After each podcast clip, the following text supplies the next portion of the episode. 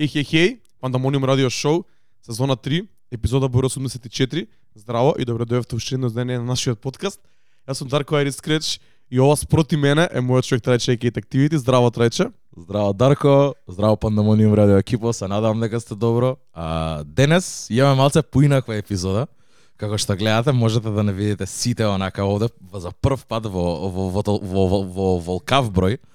А, мислам дека и Дарко одма надвор од карактер искочи му Да, на да, самото интро. Прво- Поинаква енергијата Но прво што сум од оваа страна, брат, многу ми е чудно. Така. Ја гледам камерата од страна, ептен ми е чудно.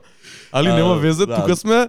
Баш и онака сакавме да има некоја епизода што ќе биде малце поразлична, малце полабава и малце Јоп. онака што би рекол Трајче да излезем од карактер и еве сме уште у првите првата минута онака издевавме го направивме тоа. Денес имаме Meet the Team Special. А, ги викнавме дечките кои се дел Пандамониум радио а, со нас behind the scenes кои работат и ни помагаат на сите проекти кои ги работиме заедно. А, да се представат, да ги видите и вие кои се, да се представат они што прават, која е нивната улога тука, каква музика слушаат, што работат на страна на Пандамониум и плюс да ви најавиме некои интересни ствари што следуваат за брзо. Така Така да да- направиме муабет на лабав, малце поинаков од секоја епизода до сега. Да, доста не ме труете у таа групата со по 100 пораки дневно. Еве сме тука. У Нормално. пред камера у Pandemonium Headquarters 2 да ги направиме тие муабети, па може да чуе и некој и од страна онака да се запознае за што збориме ние и како изгледаат муабетите и темите што се обработуваат у Pandemonium Radio behind the scenes она а, админ група ќе ја наречам. Така. Од лево, ја ќе почнам од лево. А, е пр, прв до мене е нашиот човек Flex, Flexify. Хеј, хеј, хеј. Добро дојде. Се слушаме ли? Слушаме, се слушаме. Како А, си ми? Представи се на луѓето. Кој си, што си? Но мислам дека претпоставувам дека доста луѓе веќе и не знаат од прилика што како, ама ова е шанса онака да се дае уште. Посебно оние што се на Discord, мислам дека и више многу добро да се знаат Да. со нас и со Али околу има нас, луѓе ама кои што не се на Дискорд, има луѓе кои што го пратат само подкастот и може и да не знаат така да Добре ни дојде. Фала За ви, прв пат. прво на гостопримството. А, хеј, хеј, хеј, моето име е Flex. А, јас сум главниот администратор на Дискордот и им помагам на Пандамониум со буквално се tech related, било што related. А, дел сум од тимот веќе година, дена има, Јоп, точно. година. таман. И правам музика, графички дизајнер сум исто така. Си уживам у животчето, тоа е велес репрезент, буквално. Буквално. Буквално. Еј, одлично, одлично. Пес да майк. А, одма до Флекс е нашиот човек Бист, Константин, директно Ао, од. Скопје. Бист, добре дојде и, и на тебе. Добро ве најдов. Како си? Како се чувствуваш? Интересно тука малку. Малце поинаку, сега пред Да. камера, мислам дека а, нормално е као ќе ја го тоа го кажав уште пред камера, малце е поинаку чувството кога збориме дека и дека и претпоставувам за вас тројца, не знам кој пат е, да- кој е кој искуство е ваков формат да седите и да зборите сега мислам да се прави муабет, така да Лабаво. два пати така нешто да и Така да. Кај, е, еве, да не зборам ја, да не зборам ја, слободно представи си ти на луѓето што приш која е твојата улога у Пандамониум, па после ќе ќе навлеземе и под лавако као као сите се споивме, пошто и тоа е многу добра прича. Да, да. А, здраво сите. Јас сум Бист. А, исто од прилика ист период се запознавме со дечките Така. како со Флекс, така да година дена сум а, дел од Пандамониум тимот. А, јас сум технички као лева рака, оне десна рака. Реално? Реално? А, си вајбам на финки, работам некои сайт ствари, не знам, имам исто како него нешто графика се занимавам, продукција, нешто музика, онака, ама пославо, а, некои DJ миксови, такви ствари. Така да, што ќе фатам, онака, И сакам- огромен сакам музички ствари да создавам, така и да. огромен музички ентузијаст, морам да признам. Да. Морам да признам. И онака музички нерд у правата смисла на зборот. Да, да, да. И ама може тоа да у позитивна, позитивна, у позитивна конотација, пошто да. реално сите сме нердови овде на, на свој собствен начин, така да Али онака со листа на преслушани албуми, со листи длабоки на стимната музика на онака организација ова, ова, Да. ова, различни стилови од хаус, EDM, Да. поп, класична Се, музика се. дури стави на твоите листи до се ова што слушаме ние и хип-хоп и R&B. најразновидната листа за за 2022 имаше дефинитивно. Да. И најлево, нај, најлево и десно од Дарко е нашиот човек Владимир. Здраво екипа. Здраво Владимир. А, конечно и добро дојде и тебе. Владимир уствари е првиот човек кој што ни се придржи на Пандамониум. А, не знам колку време точно више, ама мислам дека уште на првиот повик, уште у втора сезона ако не се лажам, Мислам дека беше февруари лани, ако не се лажам. така нешто. Имаше една епизода тогаш и рековте ако некој е расположен за помош, да пиша. Да, значи Баш- повеќе од година во ствари му тоа. Да, да, повеќе од година. Ама јас се сеќам дека ти правеше листа за најдобрите од 2021, така да може би и порано, брат. Не, ова ми е Ова е втора листа. втора, Па ова втора е листа. втора, брат. Па значи 2021. Да. Што значи дека што значи дека Дека- од порано. Поише, значи. Да, да, А, да, може, да, може, може би кон крајот на, може би почетокот на втората сезона, така нешто. Така беше, знам дека имавме еден повик и Владимир беше единствениот кој кажа дечке и слободен сум во слободно време би сакал тоа да го правам. Тоаш баш знам дека ни требаше со плейлистите и мислам до ден денес Владимир е човекот кој што ги средува сега заедно и со Бист и Бист почна со пандамониум рулет и со тие ствари да да ги средуваат заедно, ама тоа е кратко тоа е тимот, петорица сме, кој што кажавме и одамна го збориме тоа дека пандамониум не е само тумен тим, ја и Дарко, има луѓе у позадина кои што кои што го прават сето ова и ко не можеме реално без без нив. Така да дечки фала ви на на тоа што се онака на еден начин и оддават време и внимание за за за проектов исто кој што да одаваме и ние. И еве ја само накратко ќе кажам, а но интересна прича е како сите се споивме пет пошто сме онака од from all walks of life дека како Флексо од Велес, Владимир и, и Бисто од, од, од Скопје, Јас сум од Радовиш, Дарко исто од Скопје, ама како никој нема никаква заедничка точка освен ја и Дарко што сме другари како а, еве ќе почнам од Флекс, Флекс го упознав на на на, на автор кај кај кај Дарко кај ба Марта. Лани сосема случајно, не знам од, од каде бев кај кај кај бевме, кај завршивме. Тоа беше после Марта. 1 април, брат. После лани, да, после Маска да, Шейк. после април шейк беше и до- доаѓа нешто правиме муавет, не знам зашто се слушаше музика, Дарко ми, Дарко ми вика нешто пуштај, пуштам на аукс, не знам што муавет правиме, не знам како стана муавет за Дискордот. Баш тогаш почна таа идеја да ни се да не се прави дали ќе беше Вибер, на почетокот беше Вибер група за кај што ќе можеме да збориме, па викаме и слушај имам имам идеја, може Дискорд да се деси. Не знам како се деси од од нигде никаде, Флекс доаѓа, Флекс Брат, имаш 18 години тоаш? Да, тоа бев свежа 18. бе. Даре, Даре ме праша, знам многу ми текна на авторот. Брат полнолетен си Точно ти? одговори на прашањето. Брат полнолетен си ме прашува само најнаш, викам. И, и си правиме муавет и вика брат ја вика, ја имам мој Дискорд, ја работам со знам да го сетапирам. Викам брат, ја имам имам искуство веќе со Дискорд, користам одамна, али никад не сум имал сервер. Буквално тој тој беше денот кога онака си рековме окей, разменивме контакт, се, се заследивме на Инста. Утре дента веќе почнавме да Ја го отворив Дискорд серверот, кога го креирав, му дадов админ, админ вакво привлече си човеков го направи у еден ден, брат. Тоаш, онака, од тоаш сме од тогаш флексе флексе човекот што што го што го направи Дискорд каналот така и влезе у тимот. Бист ја го памтам од многу одамна. Ми текна.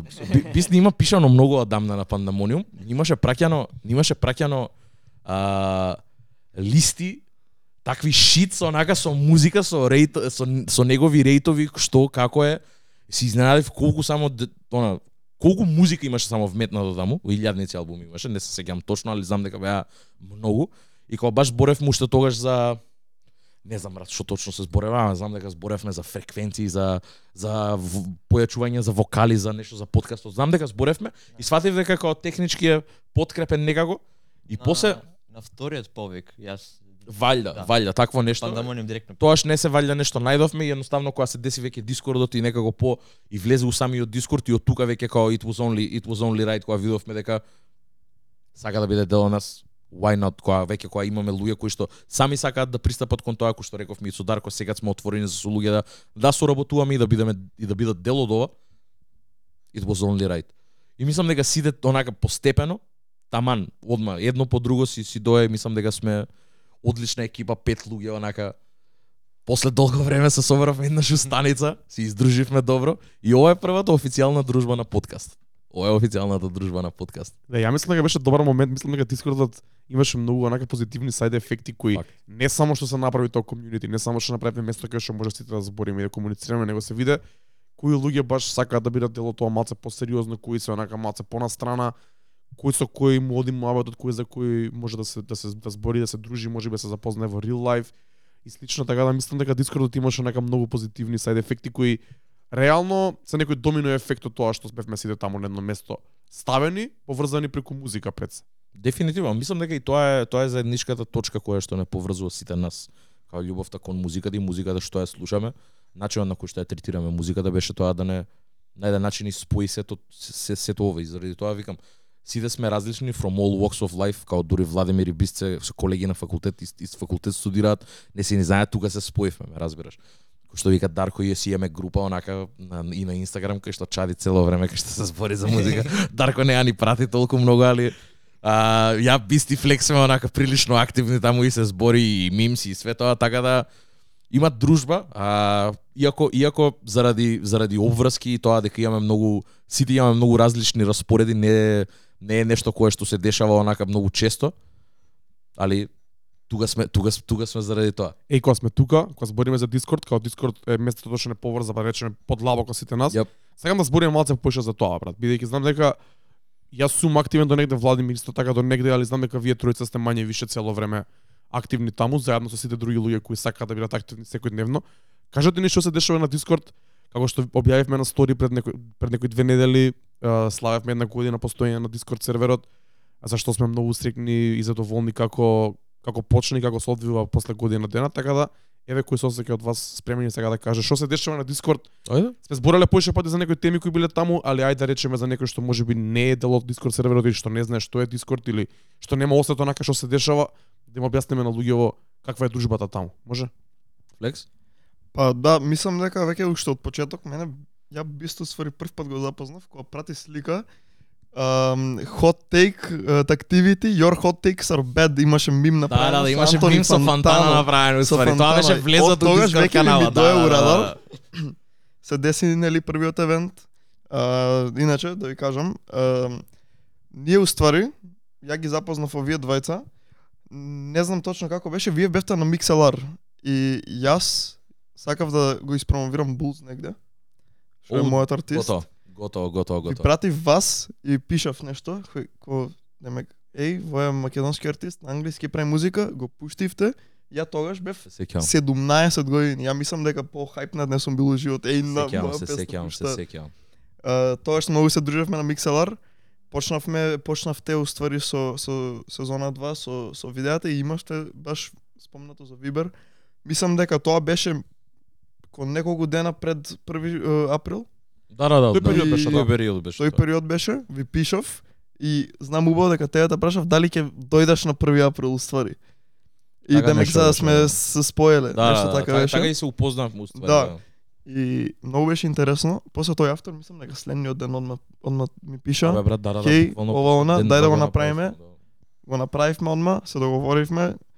Ако ти текно една дара му објаснав како се користи. Нор- ма- ма- Одма.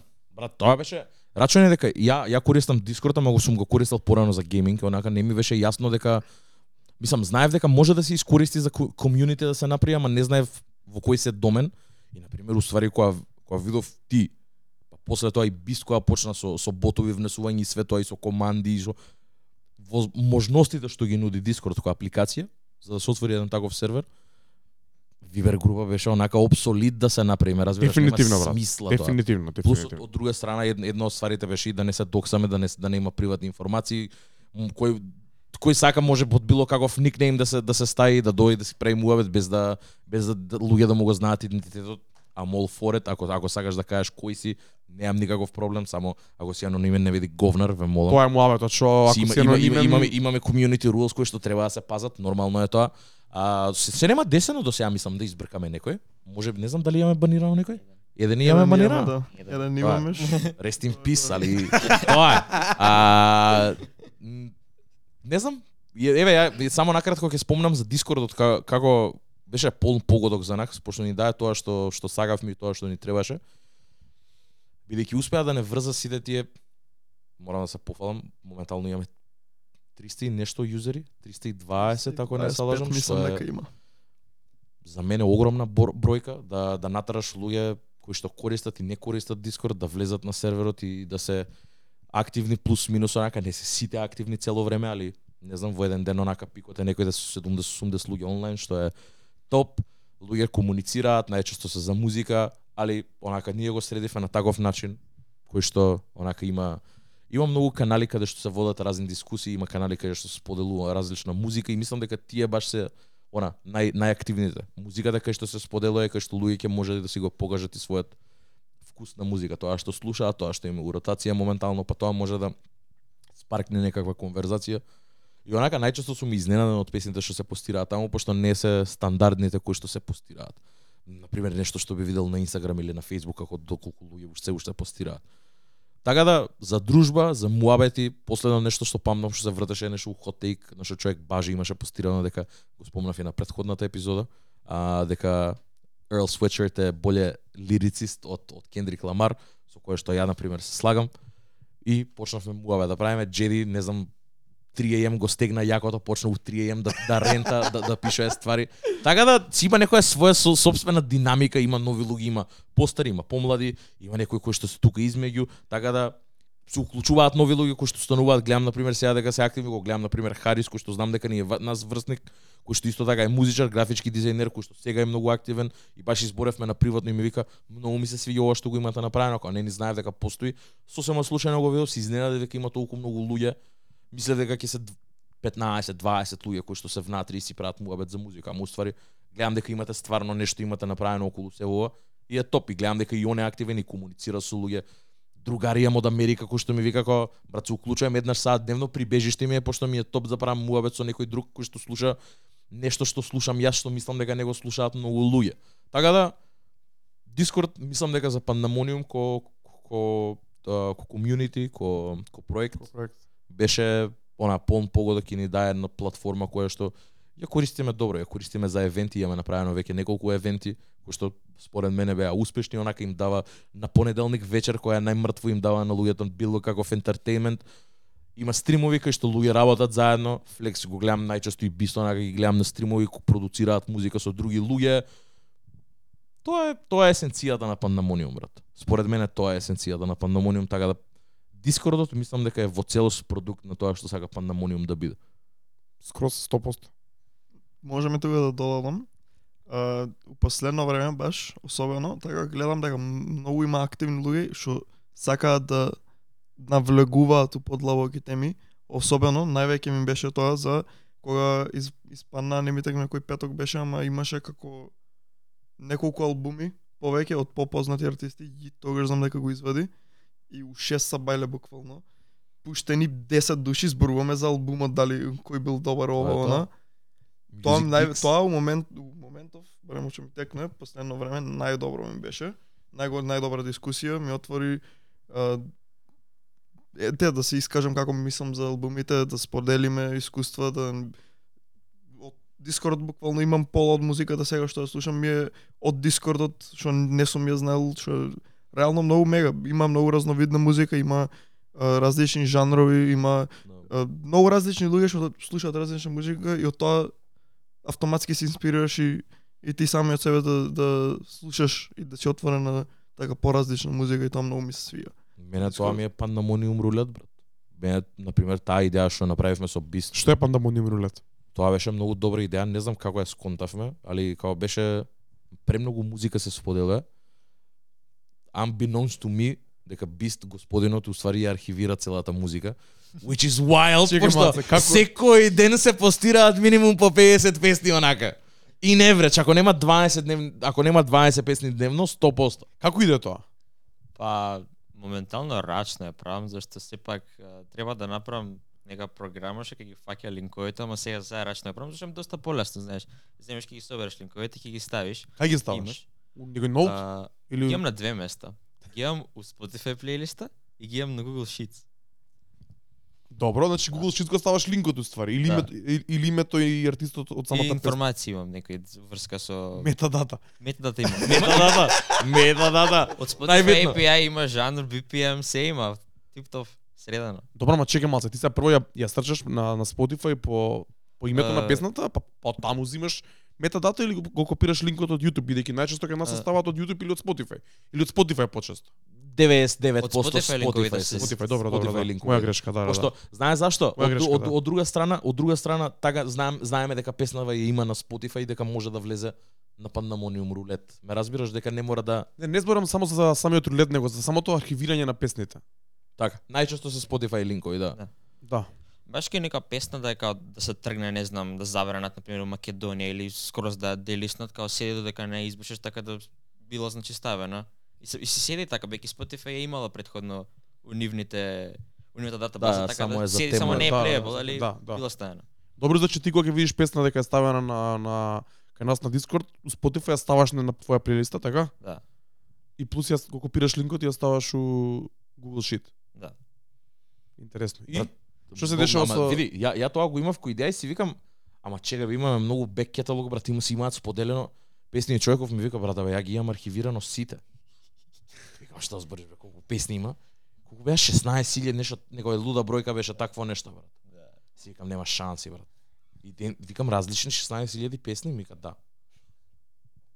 И ја вако останав за неме, викам, брат, го правиме тоа топ. И успеавме да го рандомизираме и фактички рулетот е а, каде што секоја недела се од, од тие песни кои што се споделуваат во нашиот Дискорд, 30 рандом песни, секад се различни. Има десено до сега еднаш само да се повтори една иста песна.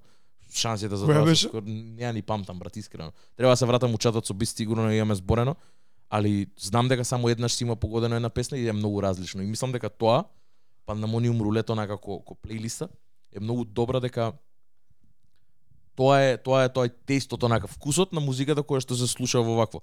И не е не е од еден единствен човек, туку е од сите во, во секој даден момент. добра, не е премногу рандом на моменти. Е рандом. Е рандом. Некад има и на пример поише хип-хоп, поише афро, си има дешавано, имам гледано и ствари ко, не знам, Crystal Palaces.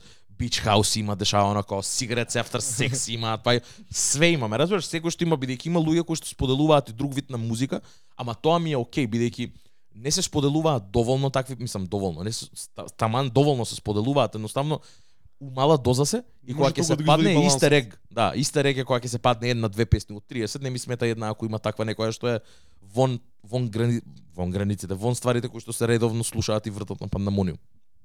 Али ко концепт мислам дека тоа беше и заради тоа викам дека стварите она природно доаѓаат онака како чисто од муабет, ама самиот факт дека бист онака ги архивираше тоа што ме, ме сврте наопако, брат. Не ми беше јасно, викам, топ, ова е dedication, човеков знам дека го сага тоа, гледам дека и сам сам себе си го прави дека ептен онака слуша и и рейчер Music користи ептен онака во правата смисла на, на, на зборот е тоа дека пратам музика, слушам, сагам да ја рейтам и во ептен ептен во прав во прав момент се погоди сето тоа и мислам дека Пандамониум функционира. Ја забушава последниот период, две-три недели ме немаше и му предадов на братот онака, се предадов викам брат праја ти као онака. Порано беше тумен, тумен, тум, тумен тим беше као у смисла он го прави рулетот, мене ми ги пушти ми ја, ми ја пушта плейлист, плейлистата на драфт, ја ја ставам на на акаунтот, али тоа е. Сега сега би си ја прави, ама еве, може а, од кога ќе искочи епизода, може и да пуштиме еден пандамониум рулет. Чисто да видиме што ќе падне. Да. Да А, искоцкаме. може да вклучиме тука и Владимир бидејќи и он беше заложен и уште е заложен за дел од плейлистите кои ги водиме. Оваа сезона сме малце понередовни со плейлистите бидејќи не можеме да го најдеме редот по кој треба да ги правиме. Идејата за плейлистата Weekly, Pandemonium Weekly беше интересна бидејќи таму имаше моменти кај што треба да ставаме музика што изгледа таа недела, музика што ние имаме слушано таа недела и некоја музика што ќе ја збориме на подкастот таа недела или тие недела Така. две. Или нешто нас во ротација што ние. Да, што ние го слушаме. И како иде тој, како иде тој процес на сега, како бираме што ќе ставиме? Како бираш ти на пример секоја недела што би ставил? Дали следиш твоја плейлиста, дали следиш некои светски плейлисти? Како иде тоа? Од Па конкретно идејата првична беше тоа вие што го зборите на подкаст, дали некој албум, дали некој микстейп или слично, тоа да се убаци у плейлистата за луѓето да можат да ја слушнат истата од кога ќе завршите вие со зборење. Успат тука ќе убацев нешто јас што си слушам, вие што ќе пратевте, трајче што ќе прати такви некои работи, а успат а, требаше да се курираат и а, епизодите што искачаат на неделно ниво.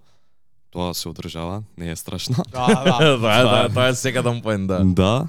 А плейлистата во глобала, тоа беше идејата.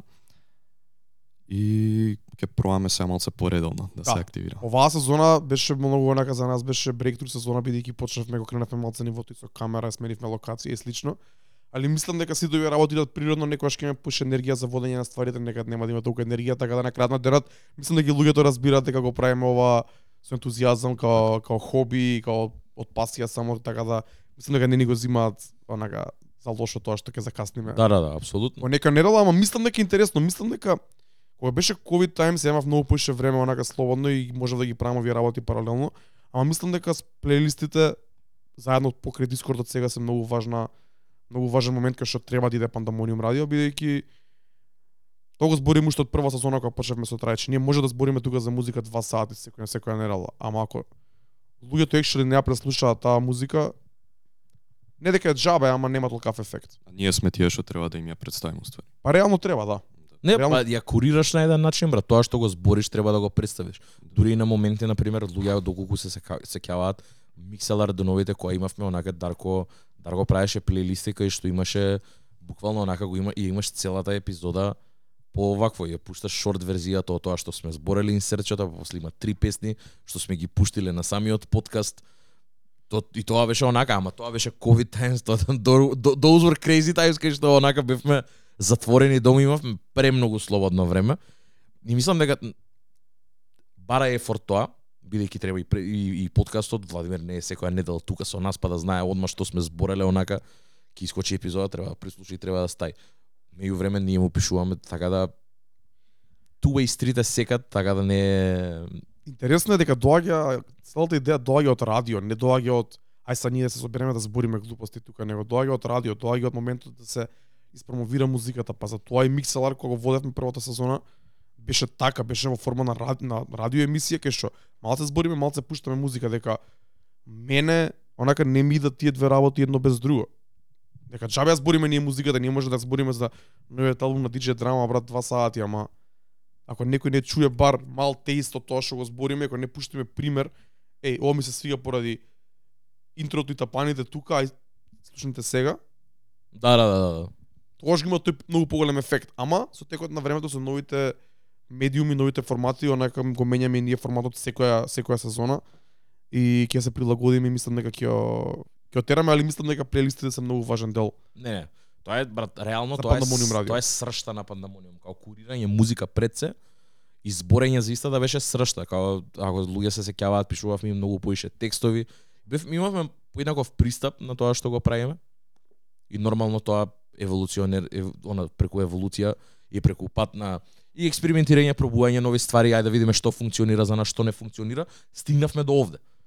Гледа, може би пишување текстови од 2020 година е застарен онака формат, ама па тоа од друга страна направи ние многу поише да се вложиме во самото тоа и да Апсолутно. не е нешто што е онака нешто премногу лесно дигестивно, нешто премногу лесно како е ги пратам овие for fun. Треба да стварно да, да сакаш да следиш и да те интересира за да посветиш ти 5-10 минути на читање на еден текст или саат и пол два на слушање на еден подкаст, Имавме што е многу важно. имавме имавме постови на Инстаграм кај што следовите беа 10 слайда онака Пуни текст. пуни текст по 1000 и кусур збора брат. Да, ја Шараот до Никстра што ги средуваше сите, онака ги буташ. дефинитивно знаеш брат. сам како да ги да ги Дефинитивно брат. Бутне онака од 10 до 10 Не ми е слайда. не ми е јасно брат, као тоа ама пак ќе кажам, тие беа други времења каде што го правевме тоа бидејќи од друга страна пак ни фалеше поише време за зборење на микселар.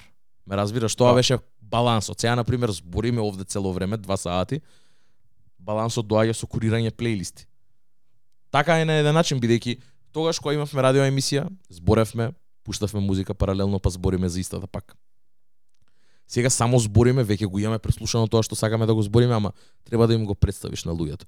Плейлистите тука доаѓаат фактички in play, in, in play а, ама да, дефинитивно кога, кога, кога пишувавме текстови беше сосема поинаку време, сосема поинаква енергија беше онака.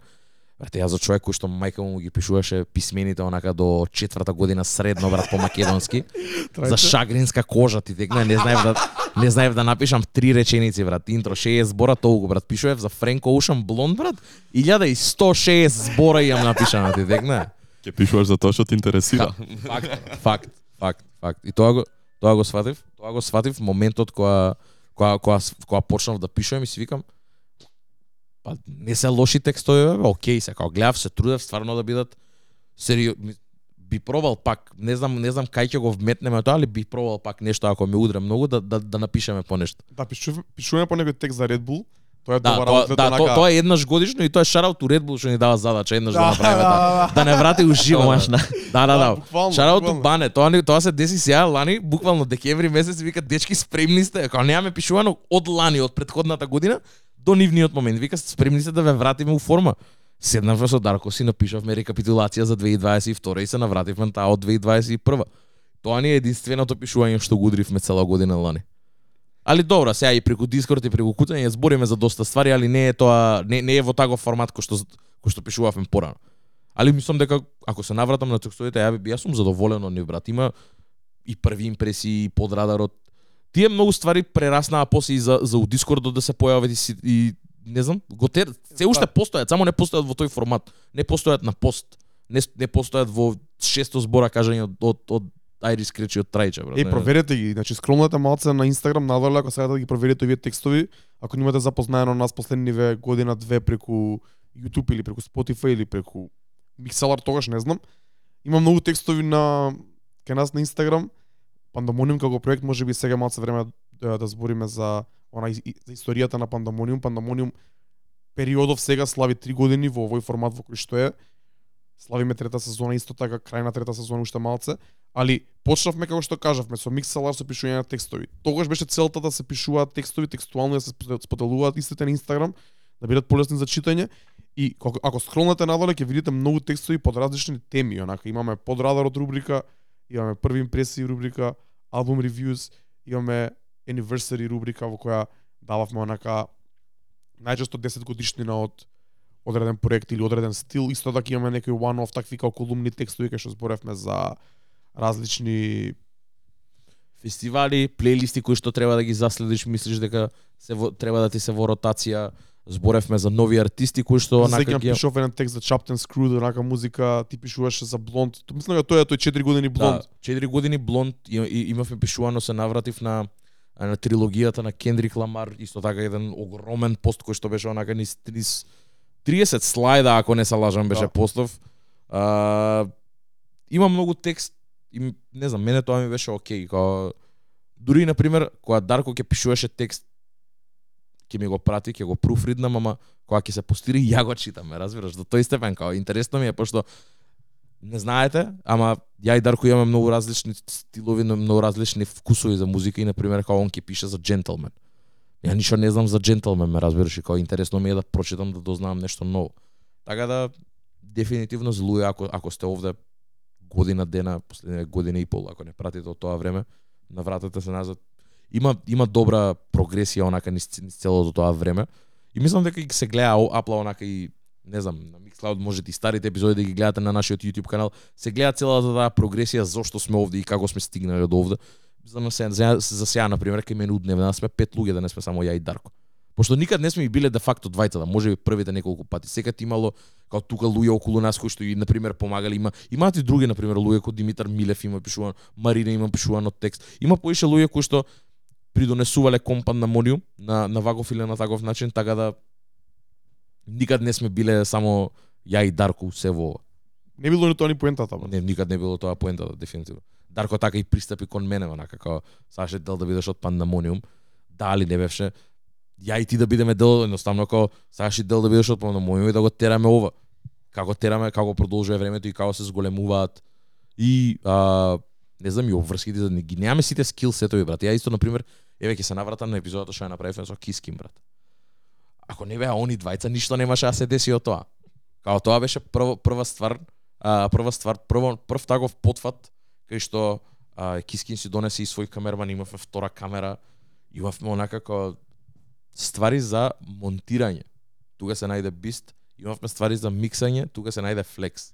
И се нафатија на прва и го средивме многу подобро него ли тоа што очекував. И многу Искрено. брзо. И многу брзо го извадивме за една недела. Така да тоа е брат.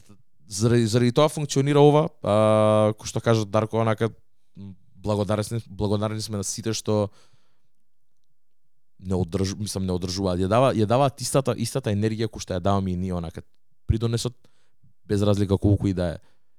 да не се гледа ние ние го гледаме дека ова револвира околу проектов и као ние гледаме све што, што се дешава така да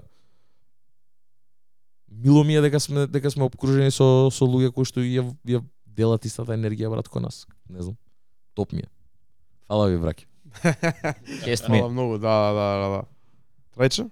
А, не знам да да да да почнеме да збориме малце за некои ствари кои што следуваат. Зашто сме овде? Да најавиме некои ствари, да збориме за некои ствари. А? Ајде. А, вака. А, прво, ќе мо- морам да почнам од нашиот човек Флекс. Овде сме, мислам, имаме имаме имаме поише ствари за зборење. А тоа што следува за пандемониум ќе го ќе ќе го, ќе го најавиме малце подоцна во емисијата. Кој што кажа да ако славиме 3 години, пандемониум славиме една година, пандемониум Дискорд канал. Сакаме да го да да да, да сакаме да му даваме значење на тоа. Ама прво доаѓа нашиот човек Флекс а, и овој момент го искористивме, сакавме ова да го направиме, ама го искористивме као two in one, meet the gang, meet the team, ама и малце и да позборуваме и за музика, да не биде да не биде само онака а, лав муавет да да доеме и да збориме два сати глупости. Сакавме да сакавме да, да, да ги упознаете и другите луѓе кои што се дел од пандамониум, ама и при тоа да да збориме за да збориме за музика и кој што кажа Флекс уште на самиот почеток, а он е артист кој што се бави со, со музика веќе не знам колку време, претпоставам подолг период, му, му ги имам видено приватните видеа на на YouTube, знам колку време се замара со, со се занимава со тоа. А Читиме за тоа, тоа не се да, случило да, никош. Не, не, тоа не, тоа не, не искача, не искача тоа виделе. Да. Дојдете на дојдете на Discord, можеби ќе се погодите во 3 саат или ако стрима, ако нешто го удри јако и да почне да покаже приватни видеа од неговиот YouTube канал, ја така дознав, мене не што ми каже. А на неќе ја дознав, ама да не да не да, да не ја губиме мислата, а Flex има нов проект и ќе те оставам тебе да си го представиш како се вика, а дали ти мислам, ова ти е прв, прв, прво прво издание во од ваков карактер? Македонски, да, имам порано извадено проекти на англиски, што ги имав, но тие не беа до вој степен зборам Така. до продукција до се. И не беше скроз 100% македонско, ова е мислам дека прв проект што го имам направено со од зборувам од продуценти до миксинг, до вокали, до се од македонски продуценти и артисти.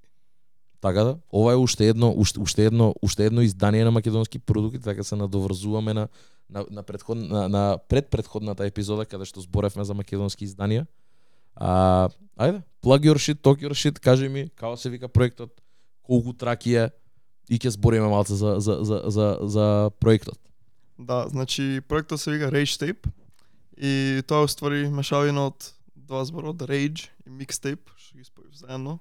Така. Не знам, беше интересно. Um, проект можам да го да го класифицирам како EP, бидејќи е шест песни, а, со веќе една извадена, односно Flexman Rage Volume 1. Така? И е буквално тоа што кажува во името Rage Mixtape, што мислам дека е pretty straightforward. А, песните се буквално од тој Rage стил. Ја го обожавам тој Rage стил, го пратам уште од самиот почеток. И мислам дека во барем во балканската сфера нема некој извадено што има скрос цел проект да е Rage и не знам, а, се случи се заради, односно после April Fools, шейк, односно Маскен шейк се извинувам. А, Дарен или ме контактираше за дали сакам да настапувам, го прашав, го замолив дали може со Bulls да настапувам, бидејќи знаев дека и он сакаше да вади на македонски песна. И бевме како, еј, зошто да не направиме песна заедно што можеме да настапуваме таму да не бидеме ја една пати и една сам. И направивме, се вика Yeah, и стоја на албумот, а, трета ако не се лажам.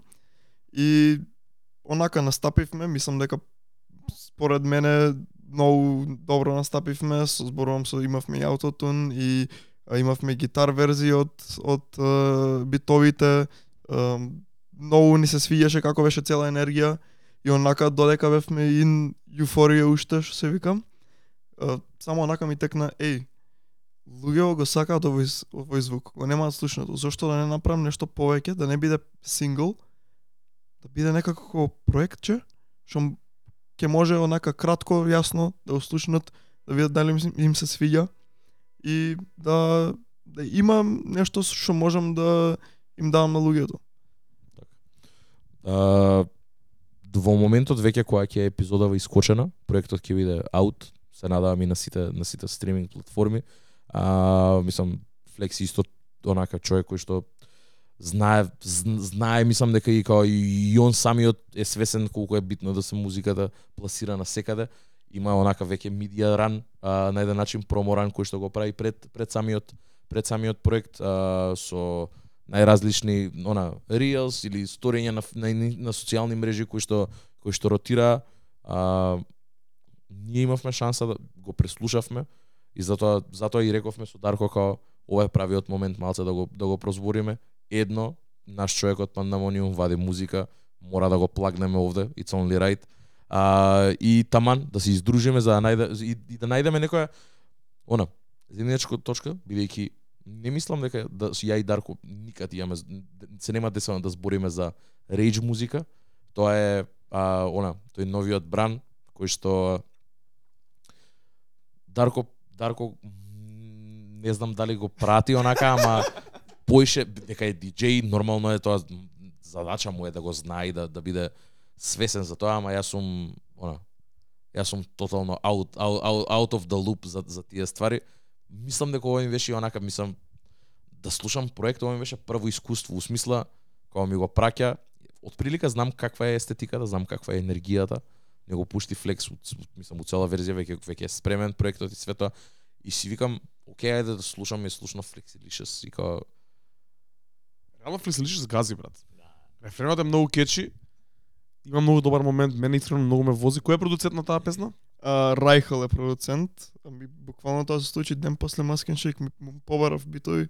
Райхел според мене а, две години макс давам. Еден од најдобрите продуценти у Македонија. Следниот нек Джои Джо според мене. Шараут до Райхел, баш Джој Джој Джој Джој го спомна. Рајхел, не знам зошто, ама да. Шараут до Него Рајхел. работи, со него работи, да, со него работи. Работат заедно? Цело време. Мега, браво. Браво. Шараут до. Райхел, keep it up. Он е продуцент на целиот тейп или он е екзекутив на целиот тейп? Ам, вака, он е на четири песни продуцент. Ам, ама од тие четири, буквално сите песни што ги имав како песни, јас него му ги праќав, пошто он е реално поголем фан на, так, на таква музика, слуша, навлезен е дип у таква музика. Му праќав него за, еј, дали ти се свиѓа ова, ми кажува што мисли, и онака менјам успоредба со тоа што што го мислеше он и да имаме некоја заедничка точка со него бидејќи знам дека е од помладата генерација, знам дека он е од таа генерација што слуша уствари овој стил и сакам него негов инпут главно така да може да се каже дека executive producer unofficially, ама да, он буквално он ми помогна со цел проект и со сликање со се. Кои беа на пример советите што што ти ги даваше тој? А, ми имаше кажано највеќе а, за миксовите ми ми кажуваше. А, имаше баш особено на Yeah, на таа највеќе ми помогна со тоа што ми го прати битот, имаше некако не лежеше на првата верзија. Ми го прати битот онака ми кажа ај пробај го ова, фреквенциите да ги намалиш ова она.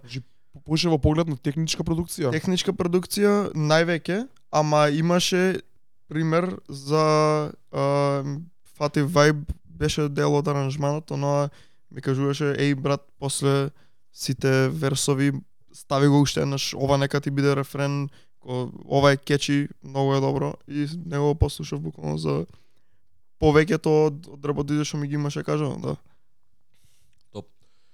Ајде ќе почнеме да почнеме таму, на пример Предпоставувам дека луѓето кои што не пратат веќе се упознаени со реч музика, ама а, кој се кој, која е инспирацијата а, позади на пример проектов во смисла? Кои се референците? Која е а, која е инспирацијата уствари на еден начин? Кои артисти онака се ко- кои се стварите кои што ги слушаш што те натера да да извадиш еден ваков проект кој што има ете, некоја некоја поинаква енергија, некој поинаков звук, нешто кое што на пример моментално е многу Ја би рекол дека е ниш брат. Е, о- е, е големо, ама пак ми е мене ниш во хип-хопот. Ниш. Мене ми е, као не, таков смол покет ми е, као во, во самиот хип-хоп, каде што најчесто младите го слушаат тоа. И кога ќе кажам млади, зборам за 16, 17, 18 години, тука некаде до 20 каде што луѓе се со таква полна енергија и можам да го поиспоистоветам на пример со трап музиката која почнувавме ние онака. Може, ајде. Таква онака силна Да енергија, речеме, ми да речеме да. хаотична малце. Тоа ми беше. Така го поистоветувам, затоа не можам да го да го отфрлам, ама сваќам дека е се уште покет, онака се уште има големи песни кои што се на пример од од спаѓаат по тој реч она а, чадор на еден начин, ама а, еве Флекс кажи ми на пример кои се кои се твоите она кои си инспирација од кај влечеш инспирација, кои се твоите референци чисто за за еден македонски проект ваков да се изведе од релативно брзо со оглед на тоа дека прв трап проект на пример можеби добивме 2014, 2015, 2-3 години од која веќе бевме јако влезени во трапот. Други времиња се брат. Други времења се сега више младите многу побрзо се закачуваат на ствари и технолошки се многу поише. плюс таа машинерија на Eiffel Studio, на многу продуценти, многу Да, да, да, артисти, апсолутно. опрема и сето тоа, интернет knowledge, меѓусебен knowledge, споделување на идеи, споделување на знаење, Многу побрзо не се тоа. споредува со Да, да, да. период кога ние бевме на таа возраст кога ние почнавме тоа, со правење на заради тоа и го прашам на пример, од кај е тоа сета инспирација на пример и не само од артисти туку уопшто. Луѓе други луѓе околу тебе што ја слушале истата музика, од кај потекнува се до тоа и што те натера да да изведеш едно вакво нешто. Па, вака, главно, сакав да извадам нешто вакво веќе подолго време, ама сек некако не ми, се покажаш, не ми се погодуваше, не знам, моментот или мислев дека некои песни не беа довршени, чекав, на пример, да ми дојде друга идеја. И највеќе ми е, бидејќи, како би кажал, би дошло на кај крајот на март, тогаш бев највеќе зафатен со врски со дизајни, со ово она, имав многу време за да слушам музика. Добро. И сакав да се навратам чисто на онака на Рейджот, ја што го знам и што мене највеќе ми се свиѓа, односно од 2022 тука можам највеќе да го потенцирам uh, Up to Me, мислам дека се викаше, од Јит, или нај, новиот на Јит од 2022, првиот односно, и зборувам uh, песни како не знам, како Попин, што е реално шейк класик, мислам дека Да, new класик. Он, него, од него ја Да, да, да, слушнав мене ми се пат. свија многу брат, ја пуштам, ја пуштив се и устурмица кога. Да, он прв пат слушнав uh, Јит Попин на, на негов концерт, кога бев uh, на April Fool's Shake 2022. Тогаш највеќе те поштов, не си свесен. не си свесен кога те поштовав. Тогаш мислев дека збеснав. Uh, Јит највеќе, да. Um, имаше тука и некоја um, влечев инспирација од Рича Мири, тој е еден по underground артист што исто така се прави рейдж, односно плаген би песна што е така како помелодично. Чекај малце, што е плагин би брат. Плаген би, сега ќе кажам, тоа е исто така многу добар пакет. Тоа уствари плаг, уствари битови, се оноа Playboy карти битовите од 2017 што се што се буквално плаг, буквално такво што е со некоја simple мелодија и bouncy drums. Plug and B е уствари успорена верзија од тоа. Односно а, 120 ка е однос 60 BPM од прилика и е double time, double drums има. И тоа уствари така помелодично, ам, зборува така за по-софт теми, а, за девојчиња највеќе. R&B теми. R&B теми, R&B теми. И тоа е исто така едно, еден правец што многу ме инспирира, што многу ми се свија. Um, оттаму највеќе влечев, Ричам Мири реално според мене го има впишано и еден од најдобрите under uh, rated артисти и underground артисти. Uh, има многу добри спинов, uh, спиновс, например, на Badass of them all од таа што е денс песната You на на на на на на. Добро. е, таа има спинов направено плаг реално и скапа песна реално. Кој слушнете а се вика Рича Мири Дженива лудница песна на репит. И така помелодична сакав секако јас си поштувам така мелодии да си играм со гласот. Целата уствари идеја на проектот ми, ми беше да направам неколку како да кажам, неколку мои подстилови, например Flexilicious, ја сваќам како по-софт песна, не е онака hard hitting, не е за тепање, ја така го викам. За шуткање. за шуткање буквално. А, туку е за така по чил, по мелодична, ел трапо е веќе тоа по дарк водите. А, другите има на пример Фати Вайб, таа е многу експериментална кај што сакав да земам а, буквално да кажеме по old school style артисти како Марз и Джиги а, што зборуваат, навлегуваат многу дип лириксот со многу метафори ова она. А, сакав да видам како би било би бил тој спој, реално мене многу ми се свија како беше. Го преслуш албумот рече. Да, да, да, го чув неколку пати, буквално го чув и са бајле која која која станав. Мене ми се свиѓаат Марси Джиги нова брат. Баш ми дека ме извадија онака го извадија флексот ме извадија од речот на ред момент и ми се свиѓа добра комбинација со на речь бит. Мене ме- мене ми е дека дека они се прилично гласни, на пример низ проектот Флекс некако се слеува у битот. И предпоставувам дека тоа е една карактеристика на реч музиката каде што вокалот не е као посебен дел, туку едноставно е убаво слеан во како- како дел од мелодија, нешто наликум на на Young Tag на пример што што Исто така ќе кажев. Да, као нешто на Young Tag, као тоа. уште една екстензија на на мелодијата на битот, али тоа кој што кажам, они они они одделуваат дека Ептан онака такви си in your face со, со и стварно се промена во целиот проект. И некаде мислам ако не се лажам и на средина е Апла трета трака е некако трета, да. така нешто. Ептен тука некаде, значи таман добиваш три траки, четвртата малце ти отскокнува. Мене ми е поразлично, сиде почудно ми е дека има такво деливери, дека има такво флоу од нив двајца. А, ама може би не ми е хайлайт на проектов, ама ми е добра. Дека дека е нешто поразлично, дека е- не знам не знам колку не знам дали има примери такви од други кои што на Rage бит на, на таква продукција нешто такво влага, посебно Марс, Марс влага многу сериозно на пример. Не знам дали има таков друг пример, ама мене ми е окей, мене ми се свија за тоа посебно дека ја немам со што да го базирам, немам доволно слушано таква музика. Може ми првото нешто ко, да го чуем, да го слушнам ко проект, не ми смета, окей ми е, не е музика која што ја на пример слушам, тоа му го кажав и на Flex. Не можам не можам критички да бидам она да да да, да навлагам pick and choose да правам или да да го отварам да, да дисекција да правам на нешто дека немам доволно информации за тоа, не ја знам естетиката, не ја знам енергијата. Имам слушнато неколку ствари, ама наинтересното нешто на пример што го имам чуено до сега е Nana and Change, Шест сабајле. буквално. Дарко ми ја пушти ми вика чуја брат. Мислев дека грешка линк ми има пратено. Јитма, брат ми брагаш сериозно. Ова е линкот. Ама ми се свиѓаше. Ама на пример немам доволно референции, ме разбираш, немам доволно слушано од жанрот за да можам да споредам. И сега на пример дека е па и македонски ако го споредувам со хип-хоп, тоа што јас слушам, ми е она, поинаку би е, не, не можам да Не можеш да го споредиш, Не можам да го споредам, брат. Ме разбираш, има друга енергија, сваќам дека е парти музика, онака тоа е Па, за не ли знам која парти, не знам дали е парти музика, брат. Не е Кога се каже парти музика, ја на пример нешто друго размислам во моментов. Питбул. Дале мами, дале мами. Па реално, реално, мислам.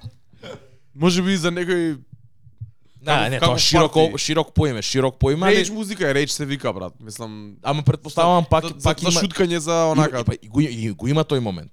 На пример, еве тебе ќе те прашам, за која ти е целта со проектот? Вака, целта ми е буквално, како што кажавте, скоро секоја песна да има некаков вид, да може буквално да се шутка. Добро? Тоа. И сакам таква енергија да, да изнесам агресивна, ама да не биде она скрос агресивна, да има по мелодични покетс кај што има и за пеење и за кај што можам ја да се да се покажам како сингер. Shout out autotune. Се китиме тоа. А, ама да, а, сакам само да изразам онака агресивна, ама не преагресивна, онака мелодична, да, да, да биде и сакам на луѓето да им покажам нешто што реално мислам дека веќе на македонскава сцена, на македонската трап сцена нема некој извадено нешто овакво слично. Така. Кои се кои кои која е инспирација да позидува? Мислам освен освен Рича Мири и нешто друго на пример, кои се нај најголемите артисти моментално во овој жанр? Мене тоа ме интересира. Валјда ги знам тие на пример е Лигит, ама не, не знам кој друг брат. А, па највеќе во моментов сега се Opium, односно Кен Карсон, Destroy Добро. Lonely Playboy Carti. тие се уствари главната тројка што го водат тој Така. естетик. А, Јит, нели како една од поуспешните. Лаки? Лаки да, ама Лаки е на пример по Лаки го споредам некако со Future, не знам. Future може буквално на било Лаки што да влезе. ја слушано и Лаки бе брат, ја не бе. Лаки да не е баш Лаки и а Лаки е underground повеќе. Ја затоа Да. го споредувам како со Future бидејќи Future на пример може да го слушам на било што и да да звучи онака добро. Така го споредувам, не знам, таков вокал ми има, не знам. Да, Лаки Лаки ми е окей, ама никад не би рекол. Може има некои Да, има ствари, има Лаки ствари, одамна. да, ама тоа е Само... Нешто од само нови работи. да, од новите работи. Повеќе го споредувам со тој SoundCloud со Да, да, да, SoundCloud да он, го он од таа ера, повеќе. ја Лаки на SoundCloud го имам слушнат. Добро, а на пример, еве, конкретно што значи опиум брат? За човек кој што нема појм што е тоа, да не отвараме некоја длабога тема, ама што значи опиум брат? Да, да, оп, значи, Опиум е лейбл, што е? Вака, ја не сум до толку многу информиран за Опиум, ама тоа што ја го знам и што ме интересирало Опиум, ствари група, лейбл на карти, кај што има двајца, ако не се лажам, тројца мислам дека се артисти, што имаат оваков естетик, буквално носат црно, имо, иш може да се каже инспирирано од метал естетиката, но и го имаат тој рейдж естетик исто така како звучно. И буквално тоа е беги baggy clothes, чудни некои фитс што не би требало да работат, ама работат. Онака буквално конверс носиш, мислиш дека носиш Rick Owens што се вика. Тој таков естетик е, е тоа опиум, мислам барем за мене. И ја таков сакам да искажам со мој твист бидејќи сепак освен само тоа што го слушам, слушам и многу други работи и многу сум инспириран од други работи што на пример се по-нормални, еве да кажам.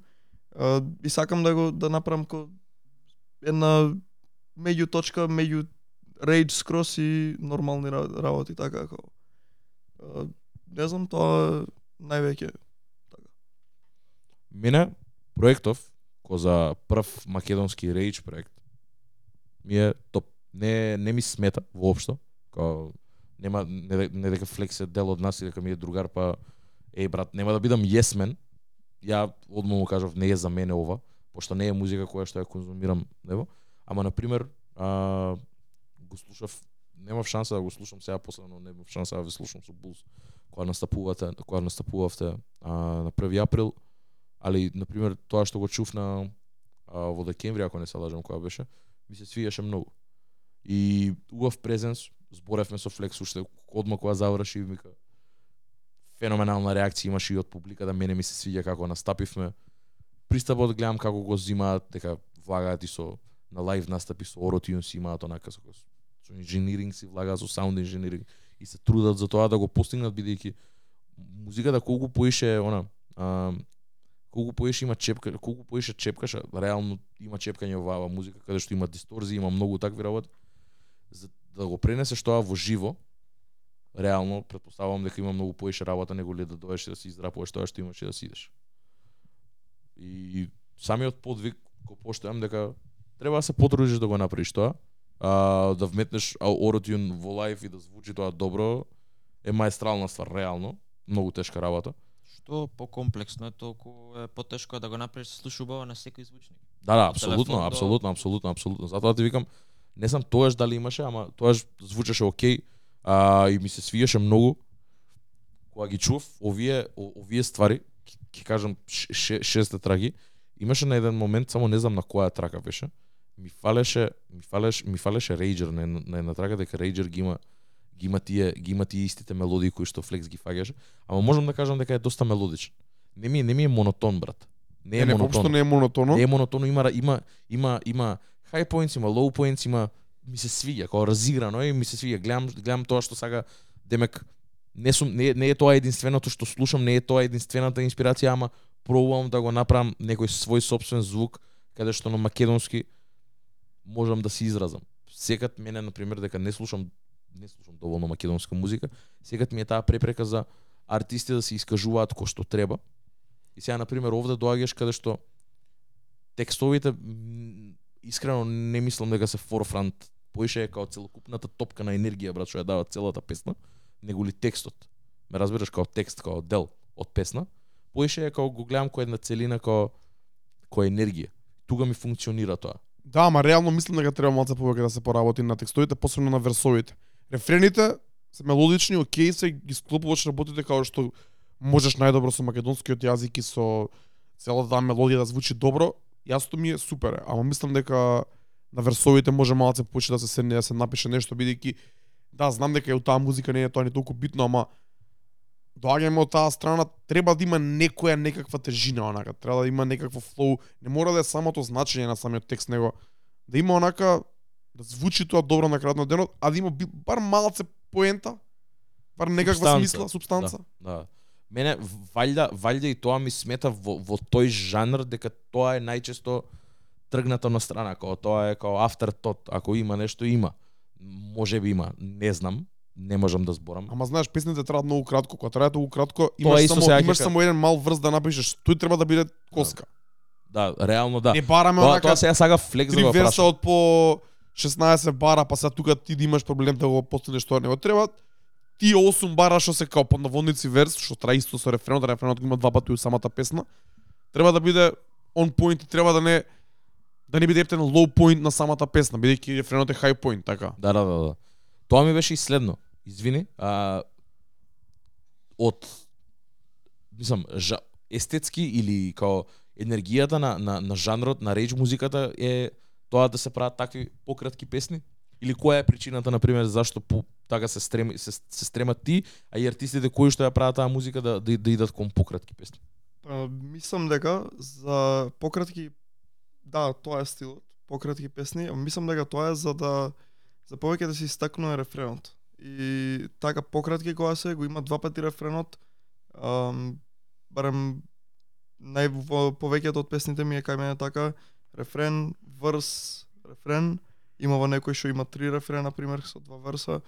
Ама тоа е највеќе за да се истакне рефренот и за тој кечи дел да може да биде уште еднаш да испен и да да им остане тука енергијата. Да да биде кратко, симпл, јасно да можат да изгледат на рефренот, на врсот се одмарат, одма после тоа Не, ама ја тоа сега ќе викав, тоа е поише као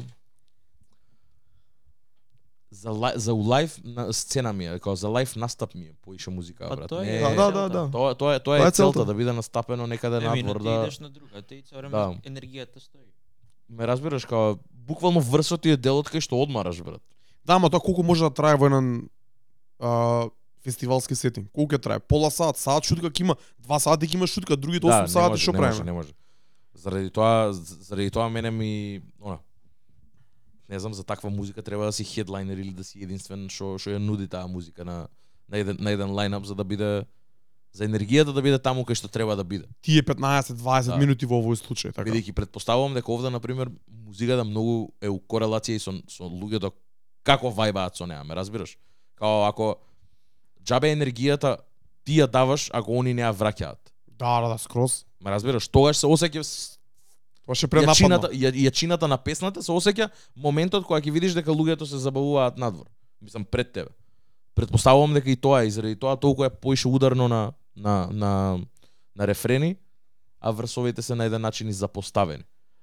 Предпоставувам и дека и тоа. Сите се кратки и овде тракиве се кратки. Флексилише не знам, просек се у, у, у, не не, флексилише се многу добро и многу го отвара многу добро го отвара проектот Ја исто мислам. Мене ми се свиѓа, мислам Флекс не имаше пуштано, има пуштано поише ствари. Знам дека гледа, ова на пример ми е окей, фанки ми е такво, груви ми е, окей ми е, дека кечи е. Интересира Мислам- публиката што ќе мисли уживо, бидејќи сепак е малку поразлично. Да, еј, не, ја ја ова би сакал се надам, мислам на следен, следен пат ќе гледам, I'll make sure да да бидам таму и да не да да не да не, да не го испуштам кога ќе настапува Флекс, пошто сакам да видам како звучи ова у лайф у лайф настап. Не никад не сум го немам искусан ова. Требаше 1 април, не успеав да дојдам, ама Следен пат. следен пат Сега сега. пат да. Не морам да кажам тука дека и за Flexilicious баш а, не ни сакав да ставам прва. Ја настапува во Виница, кога отворов за Дади. Имаше Да. многу добра реакција, тоа многу ме зачуди и викам чекај ја имам тука нешто пошто има буквално што се вика custom board направено, имам Flexilicious, Flex и Delicious имам споено. Така. И некако не знам ми, ми звучеше интересно. И гледам дека и луѓе у Виница Вајба им го најавив у м, знаеш Heads Down ми ми дадоа си настапив две две песни, изгазивме. Топ. Добро беше и заради тоа и ме инспирираше таа да стам прва, бидејќи мислам дека многу добро отвара. Пократка песна е, рефренот мислам дека е според мене така како интересен, фанки, мелодичен. Таа сега Да, така сакав да го И е- отворам цел да, проект. И една и кратка. Може да те прашам зашо има Volume 1 и Volume 2 од Flex Mana Rage? А вака сега, за тоа ќе ќе објаснам. интересира дека ги чув двете и се поинакви, ама ете, на толку краток проект да имаш Volume 1, Volume 2 ме интересира како кој, ако ако имало некој мисловен процес по да. се Да, да, да, вака сега. Flexman Rage во Румерен, сакавме требаше да извадиме уште од септември. Со Добро. спот, имавме снимано се. И испадна спотот да не можевме да го фајловите да ни, да ни беа коруптирани. Само да имавме код две видеа големи и викаме а не можеме да го направиме. Па не се погодувавме, пошто Мана од Штип, јас сум од Велес, некако не можевме да се најдеме точно во едно исто место да снимаме. Па снимавме прво во едно студио, па во друго студио, па кај него, па кај мене. И за Flexman Regi се Volume 1 многу добро има, мислам и на лайв и на се им сега за сега многу им се свија на луѓето, особено Струмица, што од Струмица знам маната пушташе, ми кажа дека сите ја знаеле буквално една недела од која испадна. Топ. Um, и некако треба сакав знаеме дека сакаме Volume 2 да направиме, пошто сепак ставивме Volume 1, онака не знам, убаво ни звучеше, викаме Volume 2 мора да направиме. Сега бидејќи ствари Flex Marriage Volume 2 има и второ име, Штипланта Лас Велес. Добро. Тоа е уствари вториот дел. Е сега, вториот дел уствари Детройт бит. Наеднаш на средина. Да, тоа Е, има сега. има бит change овде. Е сега, работава со тоа беше. Не ни требаше да биде испланирано тоа. Флинт, Мишиген. Буквално, буквално, Флинт, Мишиген. Мишиген из Велес. Тоа се вика буквално. Мишиген, брат. Мишиген се вика битот. Да, да. Така. И Абе тие гуфи битовите брат. Тоа тоа тоа ми е следно прашање. Зошто брат? вака сега. Тоа брат само на рил и одма го скролнувам нагоре. Да, да, брат, да, така, да, да. Е, Еве, гледаш? Видиш ми прави Флинт, вака, јас ја многу си поштам Детройт музика, особено таква музика. Ја и ти имаме различна дефиниција да, за да, да, да, музика. дефинитивно. Ти мислиш, ја мислам Джей Дила, Абе не, Джей Дила ти многу school сега, не, е- не е до толку school. Јас зборувам ти ми збориш за Лил Мабу. Лил Мабу. Значи, Детройт музика. Сите што слушаат електронска музика и, до Детройт паѓаат у несвес Детройт музика. Реално, реално, реално. Се зафркавам. И Добро? Многу јас си поштам таква музика, Floss Flow беше таква песна буквално со таков брз бит 200 Добро. BPM буквално.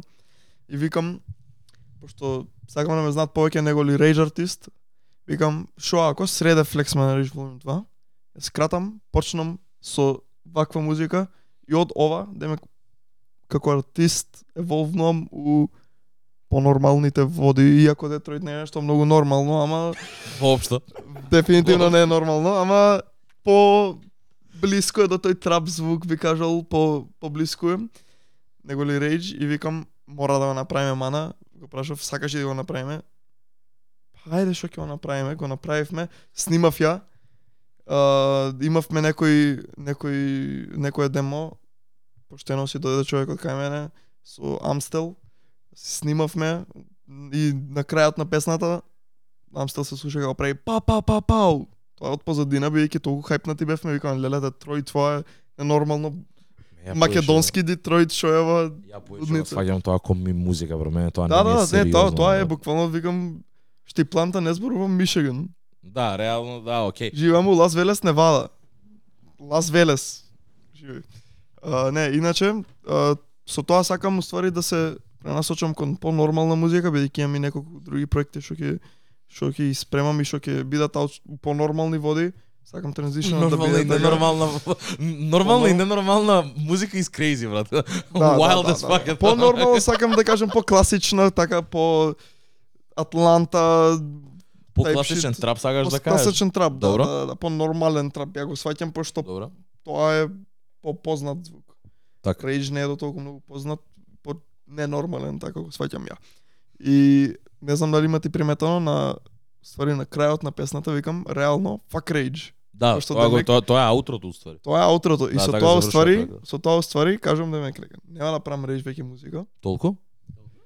Па, треба you gonna have to find out. Може би нешто ќе има, но во многу минимална а, буквално може некој сингл или на фичер нешто да биде. Бидејќи реално сакам имам многу повеќе работи што не ми се рич и сакам тие да да можам да ги изведам како артист и да не ме гледат само како рейдж артист. И да, мислам дека добро го завршува, онака ап темпо со енергија исто така. Мислам дека добро завршува со тоа и мислам дека транзишенот особено след ниве неколку месеци, мислам дека со нова музика, со нови проекти што ги работиме ќе биде добар онака момент. Брат, ме ја морам да спомнам, мене тоа вториот дел ме потсеќа на не знам дали го имаш слушано на Baby Tron. Baby Tron, тоа беше една од инспирациите. Маната го спомиња во версот. Мене ми е многу чуден, брат. Имам дајано шанса, ми е Немам преслушано. Не треба, брат. Не, тоа не се, тоа и да сакаш не го Не пуштиш. треба, брат. Као по ов бит, брат, Big Sean е он бит за Baby Tron, брат. Како да ти објаснам, Sean, брат? Поточен не постои, брат. Джи Хрбо е он бит. Да, Ова е- као многу многу чудна музика, ама и кога го чув, онака си викам, што е ова бе? И за сега да го прашам, ама не стигнав дека како буквално вчера онака ај викам чека уште еднаш и кога кога стигнав да викам ај ќе го прашам на подкаст, бро. Што е ова, бро? Зашо мичи ген реп, бро? Пошто така ме разбираш, ме, ме интересира зошто, али сваќам сваќам и имаме слушано и претходно ствари од тебе, знам дека имаш праќање и демос кои што се многу поразлични на звук. И поштојам тоа што не сакаш да бидеш таен у лейбл од самиот прв проект што го имаш извадено, да не ти стават лейбл онака етикета дека си рейдж артист, дека имаш поише страни на тебе. И окей сум со тоа да да она да експериментираш со музика и да да пробуваш најразлични ствари. Нормално имаш 18-19 години премлад си за да се ставаш само во еден брекет и да да не правиш ништо. It's only right. Ама како и да е, а, честитки на проектот, се надевам дека ете, мислам има веќе медиа ран, има промо ран, си тера, а, проектот моментот веќе кога ќе ја гледате епизодава ќе биде искочен. А, или слушате епизодава ќе биде искочен. А, на сите DS, на, си- на сите DSPs, Дефинитивно да. класика. Така и треба. А, и ете, ќе чекаме нови ствари и се надевам дека и на пример онака ќе може и Флекс да не биде гостин за нешто посериозно, некој проект која ќе добиеме па да направиме муавет за тоа што го спремаме понатака. Пошто знам дека е одаден на музиката, знам дека го интересира многу музиката, знам дека сериозно го прави, ова не е онака, мислам, може би Флинт срањето звучи онака гуфи, али сериозно е направено, не е воопшто и знам дека сериозно работи на на случајот, Не, дефинитивно. не, дефинитивно. Мене ми се свиѓа проектот. Честитки од мене, брат. Мислам дека има добар материјал да се представиш добро. Прво EP, шест песни, многу лесно се слуша, песните траат кратко. Како што кажа и ти сам, има различни подзвуци внатре. Мислам дека нема да биде досадно. Има гостување, има две гостувања од Мани, има гостување од дечките од VR, така да вака брзо иде, има гостување од Bulls, така. Да, да, Така да, да, во тој стил е, ама разновиден е, лесен е за слушање ми се свига дека е на македонски. Ми се свига дека е на македонски бидејќи зборев му уште прв пат кога го пуштив ми Булс на Микселар, Јап, дека ни треба оваа музика на македонски, дека на англиски не ми значи ништо. Ќе знам ќе го слушам Кен Карсон или Јит или кој сакам, ако сакам да го добиам фиксот за таа музика. Ова има друго значење. Ми се свига дека пробуваш да измислиш свој поднаводници сленг или некој онаа комбинации со имињата и слично. Така да keep it up, keep it real и само напред, брат. Фала ви, фала ви многу. Дали вие го преслушавте албумот на, односно и пито на Flex? Да, да. Ќе ни кажеш? Ќе ни кажеш краток она први импресии, ќе ни кажеш? Па, искрено, има некои песни што дефинитивно ќе се навракам Flexilis дефинитивно, значи. Тоа уште од кога не праќаше а, некои early верзии недовршени околу 80% беа готови последните што ми ги имаше пратено, така да не е нешто многу далеко од ова сега што го слушнав, само микс мастер финализирано беше. Uh, Flexilicious, ептен, бомба. El Trapo не знам така, не ми е толку многу легнато, ама треба не- неколку пати да го слушам да Да, видам да, што мислам дека поспецифична онака, Да. има поспецифична енергија за неа. А, ја со Bulls исто така многу ми се свиѓа. А, нормално а, Flex Mana Rage Volume 1 бенгер, мислам, тоа уште од предходно беше искочено. А, за двојката уште сум онака размислувам бидејќи Не ти се свиѓа Флинт Мишиген срањето, брат? не, не, не, а, као Ја претходно го имав слушнат инструментал што тоа, ама као не знам, веќе сега со вокали го слушам и као сепак а, ми се свига тоа, веќе јас му кажав а, волим еден да го остави на проектот, не сакаше да го тргне. Добро. бидејќи се надоврзува. Мене као не ми беше логично, викам зашто не ги оставиш као ако го пуштиш ко проект, волим 1, волим 2, а вака на волим 2 Така. киде. Да. Као, Да, да, и мене ми, ми, ми има Има- смисла. Ми Има поише смисла нормално, да. и као мене многу ми е побава така, знаеш, пушташ волим 1 и сакаш до крај, слушаш волим 2 ти да го дошташ. Да, да. Без разлика што е ги скачам мислам до крај. Не, окей, окей, да. А, Мене ми е логично барем таман шест траки, ја не го надополнува проектот, плюс кој што завршува Volume 2, си вика fuck rage и тоа е тоа, така, та, така се одјавува од проектот.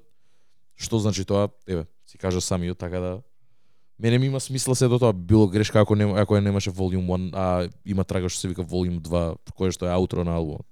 да. Да. А, со Марсо Джиги беше фати вајб, така? Да. Таа, ти кажам, и таа ми се свига. Само ми е потака у средина, низ целиот проект. Знаеш, онака, некој ми се лоу, некој ми се хај, ми баш у средина, таман ми е. Да, дека цело време е како само една Не, Ед- нешто, една- една не е нешто линија. што го очекував, таа ми беше малце ај така. off. најнеочекувано ми од сите, да. Да. Не ми беше толку многу уклапано со сите песни, ама таа добре. Не, па вајде и тоа, тоа сакал да го постигне, пошто мене, на пример, на таква продукција не би ги замислил Марс и Джиги на, на такво нешто. Знаејќи што продуцира, знаејќи проектот на Марс кој што го извади и начинот на кој што рапува, не можев да го замислам на таква продукција. Не... Нешто различно беше за нив. ми беше ми беше чудно, да, ми беше посебно Джиги. Джиги до сега Да. Мислам, го имам, го имам слушано на такви ствари. На, и по, конкретно на Марс на проектот знам дека се најде на такви ствари, али ми беше многу почудно кога ќе чуам вака апла на на на Rage beat, ме разбираш како. Ма добро звучеше. Мене ми мене ми мене ми е окей, добро звучи дека е поразлично и нај најблиску до мене. Ме разбираш, тие таа таа трака е најблиску до, до тоа што ја можам ја ја го знам, ја го имам слушано. Така да заради можеби и заради тоа највише ми највише ми фаќа плюс дечките кинат така да топе. Као таму на пример имаш веќе тоа Дарко што кажа, имаш добар врс, имаш ги има ги има тие другите елементи што можеби нас ни фалат на Да. пример. Заради тоа и функционира, заради тоа мене ми се свиѓа. Можеби на пример на луѓето кои што пак слушаат само реч длабоко навлезене во сето тоа, можеби нема да им се свиѓа дека дека е out there онака, дека е сосема спротивното на тоа што они се извади од навикнати, вајбот. да, ќе ги извади од вајбот. Ама ж окей, и тоа е на пример добро. То има убаво е да има такви моменти каде што Брат, така се кршат тие бариери, Да. така се премостуваат тие по различни Баш стилови и жанрови. Баш тоа, така се прави тоа. Заради тоа добро е песната да стои. Разбираш дека и тука некаде кога имаш три песни кои што се во тој во тој домен имаш тука нешто кое што ти го дисруптира тоа, ама пак е слично доволно не ти е не те отфрла, не е бумба бип, ме разбираш дека тука едноставно тука е во тој домен, ама деливерито е друго. Кога гледаш други артисти како се снаваѓаат на таква продукција, ти дава некаква друга димензија. Мене ми се свиѓа се до тоа. Во суштина поинтересно е така кога се мешаат некој жанр, бар за мене. Исто и мене, исто и мене. То- Тоа тоа ми е тоа ми е експерименталност, тоа најчесто води кон некои по по инакви ствари кои што не можеш да не си мислел дека се возможни на еден начин, дека ето. Владимир го преслуша ти? Да, вчера го преслушав. Исто као Трајче, ова не е баш некој мој стил, така што некое критичко мислење не би можел да дам. Ама има некои траки така кој ш- стварно што што ми се свиѓа, што ми фатија ува. А, интрото на песната тоа као ти дава вовет што ќе биде проектов као Си ќе така. да, као ќе биде проектот. И како што кажа Флекс името интересна склопка, некоја се мржна две две ствари у една. А вака како трака, највише ми остави впечаток а, со дечките од VR. Фати вајб? Така се Да. беше така? Да. А, ми се свија ш- пре сега кажав, кога се мешаат така жанрови кога доаѓаат дечки од различна области кога ќе се спојат во едно. У суштина и у странство овие што се покомерцијални ве артисти, така и прават хитови, на пример женски вокали со рап врс некој, инстант хита. И од тука можам да повлечам некоја а, као Да, бе, сосема разбирливо, мене ми е тоа она. Плюс знам дека и предходно имаат соработувано као си доаѓа сето тоа Си природно. доаѓа да, природно, да, да. тоа е многу тоа битно, не е испорсирано, природно, да, да, да, да. И дечки, ајде да видам што можете вие на битов да направите и кога они ти враќаат два верса што кои што си викаш вау, ова е сосема поинакво него ли тоа што ја можев да го доставам и а, што го правам, ме разбираш и као добиваш некоја друга димензија заради тоа функционираат такви ствари. Се надевам дека поише луѓе онака ќе ќе кршат бариери ќе ќе се премостуваат и ќе прават ствари иако со со артисти кои што мислат инаку би мислеле дека не можат да се најдат на иста трака. Тоа тоа е добар показател дека it's healthy. Здраво е. Дефинитивно. Спомна дека да е малце подалеку од твојот стил, што музика слушаш ти? Општо онака. Општо? Па, сега пошто иде лето, поише алудирам на хаус и на некоја EDM таква музика, пошто некако сонце доаѓа порасположливо е, ти се слуша на ти се слуша таква музика, ти си искача, сакаш да џускаш малце лево десно. Сега кај да у ротација треба онесли Nevermind да ми се врати. Треба време, време. Скапо, скапо. И у последно време да ви кажам тоа слушам, а инаку вака у принцип кога е тмур, тмурно време, мене уствари вака, ја кога слушам музика зависи од времето, у принцип. Не можам некоја така. Кај си бе Дарко? Да, и јас го- Озбилно, сега кога е тмурно време кој што е сега, не иде да слушам Get It Together од Drake, на пример, не иде. Поштено. Дефинитивно. Не иде. Поштено. Поштено, да. да. И во принцип тоа, Што ги си пушташ после кога ќе си идеш од тука? е сега, Од прилика, кој стил? па некој е рапче така. Може тактивити стил нешто така. Да, мене, мене за мене за ова време иде Некој само приказ не ја ми само раскажува. британски, оној британски новиот лоу-фај трап хип-хоп Може, Може, Она може. Накси. Нак се, нак се полн погодок за ова. За ова време Јас само са тоа. бајле денот го отворив со Operation Doomsday, брат, со со со, со онака шаде ша, шаде семпл, MF Doom си рапува. Хаос, Да, да, да. дека си ги чекам браќа ми кажуваат дека ќе каснат, дека Фл- Флекс ми вика у карпош сум се сликам, онака свашта, ти декна, јас си врти MF Doom позадина на лер, ама дефинитивно. А, тоа е интересно дека а, Бист, например, човекот кој што поише у електронската музика и многу поише како, као вака генерално гледано за музика општо, за спектар на музика, мислам дека на, најширок спектар имаш од сите нас, пошто опфаќаш. кажеме на пример како како, како стигаш до сите тие ствари, брат? Как како од, од каде, од кои кои се кои која ти е инспирацијата на пример позади тоа да слушаш толку многу разновидно жанровска музика? Дали тоа ти е предизвик, дали тоа само ти доаѓа? Па, Бидејќи на пример ние сите некако малце сме ограничени жанровски према музика, така имаме преференции. Јас мислам прво бев као инфлуенсиран од моите, беќе моите слуша неколку ствари, као не знам, поп, рап, R&B, рок, онака на телевизија што ќе се фати некои хитови ово она. Така? И после тоа више кога интернетот фати е, као више ме фати као желбата за да си слушам нешто мое, бидејќи претходно поише од моите, знаеш, ќе пушта, тоа ми се свига, тоа не ми се свига, онака ко себе си викав, они си тераци газат, мислам помал бев тогаш. Така. И а, више кога имав интернет, после тоа почнав размислам, онака си најав тоа што ми се свига, и тогаш више фатив и а, електронската сцена, онака ми се свигаше енергијата и настапите исто. Тоа, мислам, ефтем беа гигантни, што би се рекло Така. со пироманија, со огномити, со глупости. А ми се свигаше, тогаш и многу ми се засвига и љубовта кон диџеинг, зашто од една песна транзиционираш на друга. Така да затоа мене као диџеинг првично го забележав ја преку електронска музика, а после се се друго. А, бидејќи сепак е и малце би го рекол онака потешко, бидејќи електронската музика е правена за такви транзиции. По, Добро. полесна за миксање според мене. А, и Ја го делам истиот сентимент за тоа за направена е, као има extended миксови такви ствари. Ова е друга тема, брат, ама Али- за бит мечинг е многу полесна, А, пак се, ама се базира на фрази. водење на цела вечер е доста потешка. Да. тоа да. А, Дека пак, разликите се многу мали измеѓу неа. Дека многу е побит, побитна целата воžња во текот на тие 3 сати, на пример, не зборам за Да, да, да. кај што има само саат време настапи, него целата воžња во еден хаус сет онака е многу побитна него самата транзиција. Истото важи за хип-хопот, целата Да. воžња на крајот на денот е на крајот на вечерта е битна, ама полесно да се микса вака, на прва кога си кажеш, ама Да. многу е потешко да ги погодиш правите траки и да има тие убав тек. Предоставата е многу. Да, да. Освен ако не пукаш само бенгери кој што пука Карнич на односно по ново гордо на која чела и некои такви сетови, тоа е друго. Да. Не, ба, м- од него реално многу ствари што не ги знам. Као целиот сет му е со некој ептен рандом, као ID ствари, Добра, не е се ремикси скопани од не се повеќето сетови такви на такви фестивали.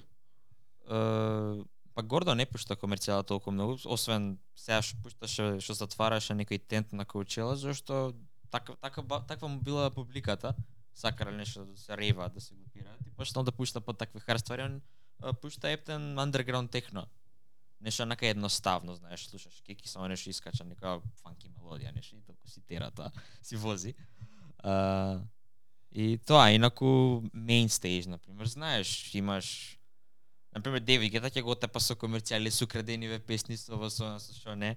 А, не знам, а, као многу е прогресив хаус, притоа што се пушта на а, на мейн стејдж И као тоа е као има као висока енергија, многу е као еуфорично. Тоа е погодено за такви фестивали.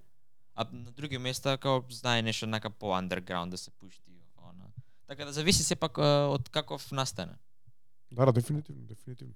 Да. Инаку да докажам оце.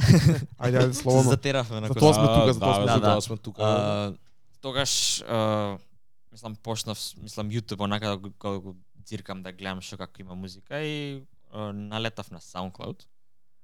А, SoundCloud таму и SoundCloud таму и и рапот и електронската поп не, тогаш ептен, зашто SoundCloud реално со попот беше катастрофа. Мислам, има SoundCloud Go што до денес го тера тоа, ама се е позади SoundCloud Go. Уикенд на SoundCloud Go, Charlie Put, не знам ово, но и као не можеш да го слушаш, треба да платиш.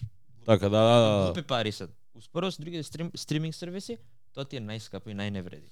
Spotify сега ќе ги качуваат цените. А, и да, тоа видов. Арно што е мавотот? Да, ка CEO-то кажал пред некој ден заради а, тоа дека брейкнале 210 милиони премиум юзери worldwide дека ќе ги качат цените брат. Што значи тоа брейкнале, дека надминале? На ги дека ги надминале 210. И Што дека премиум- надминале ќе ги кажат цените. Да. А Apple тоа го направи пред некое време и ги, ги качија цените исто за на, на, на нивните subscription сервиси. И сега, си, сега се дешава да Spotify го прават тоа. А веќе е 10 долари. Реално не е ни не е ни ефтино Па брат. Spotify два пати веќе го печна додека бев усредно зашто имаше а, со bypassот со модираната верзија. Да, да, да, уште постои тоа, ама си Да. има си, си има си има своји она ствари кои што не функционираат добро, како не можеш да шернеш убај. А за сите или си само за без новите ова? Такви ствари. Како? За сите юзерс или за новиве што ќе дојдат? Не, не, не, за сите, all across the board го ја, ја креваат цена, само не најавија за колку. Ќе збориме за овие теми на некои од следните епизоди и баш добро ќе ќе се надоврземе со oversaturation in music и тие ствари. Мислам Да. дека мислам дека ова дека се е поврзано едно со друго, брат. Тоа, тоа, тоа. И а, после тоа, средно другар беше као е, во Spotify може да се слуша во Македонија, зашто претходно во 2017 Spotify уште го немаше во Македонија. Вика земи фати си VPN, слушај Spotify и се префрливме друштво, бидејќи дел од другарите што ми се доставно, продолживме средно заедно. Е, мислам во истиот во истото училиште. Некој во Орца и во Јосип Брос, али нема вези, као, но сам продолживме се се дружиме, нака слушаме музика вона. И се префрливме на Spotify, почнавме да слушаме на Spotify, се свашта почнав да слушам. Онака си се вратив се и Мислам дека Spotify за многу луѓе беше Многу, онака тоа дури и за мене искрено, морам да бидам искрен, Тоа е премногу артисти. отвори онака да си се сите жанрови, да си се што слушав и претходно и се, сега што се слушав, веќе SoundCloud беше ептене со underground, underground ствари, со електронската музика исто така тама промовира, рап нешто што почнале ова на Malone, од SoundCloud го знам ја. Е White Iverson нормално. И, и почнав да си правам првата плейлиста што ја направив, ама сега ја избришав зашто и луѓе онака ми коментираа средно зашто имаш плейлиста со 1300 песни. Става секој ден по една песна. Цело средно. Исто, како него, исто како него си го терав таа.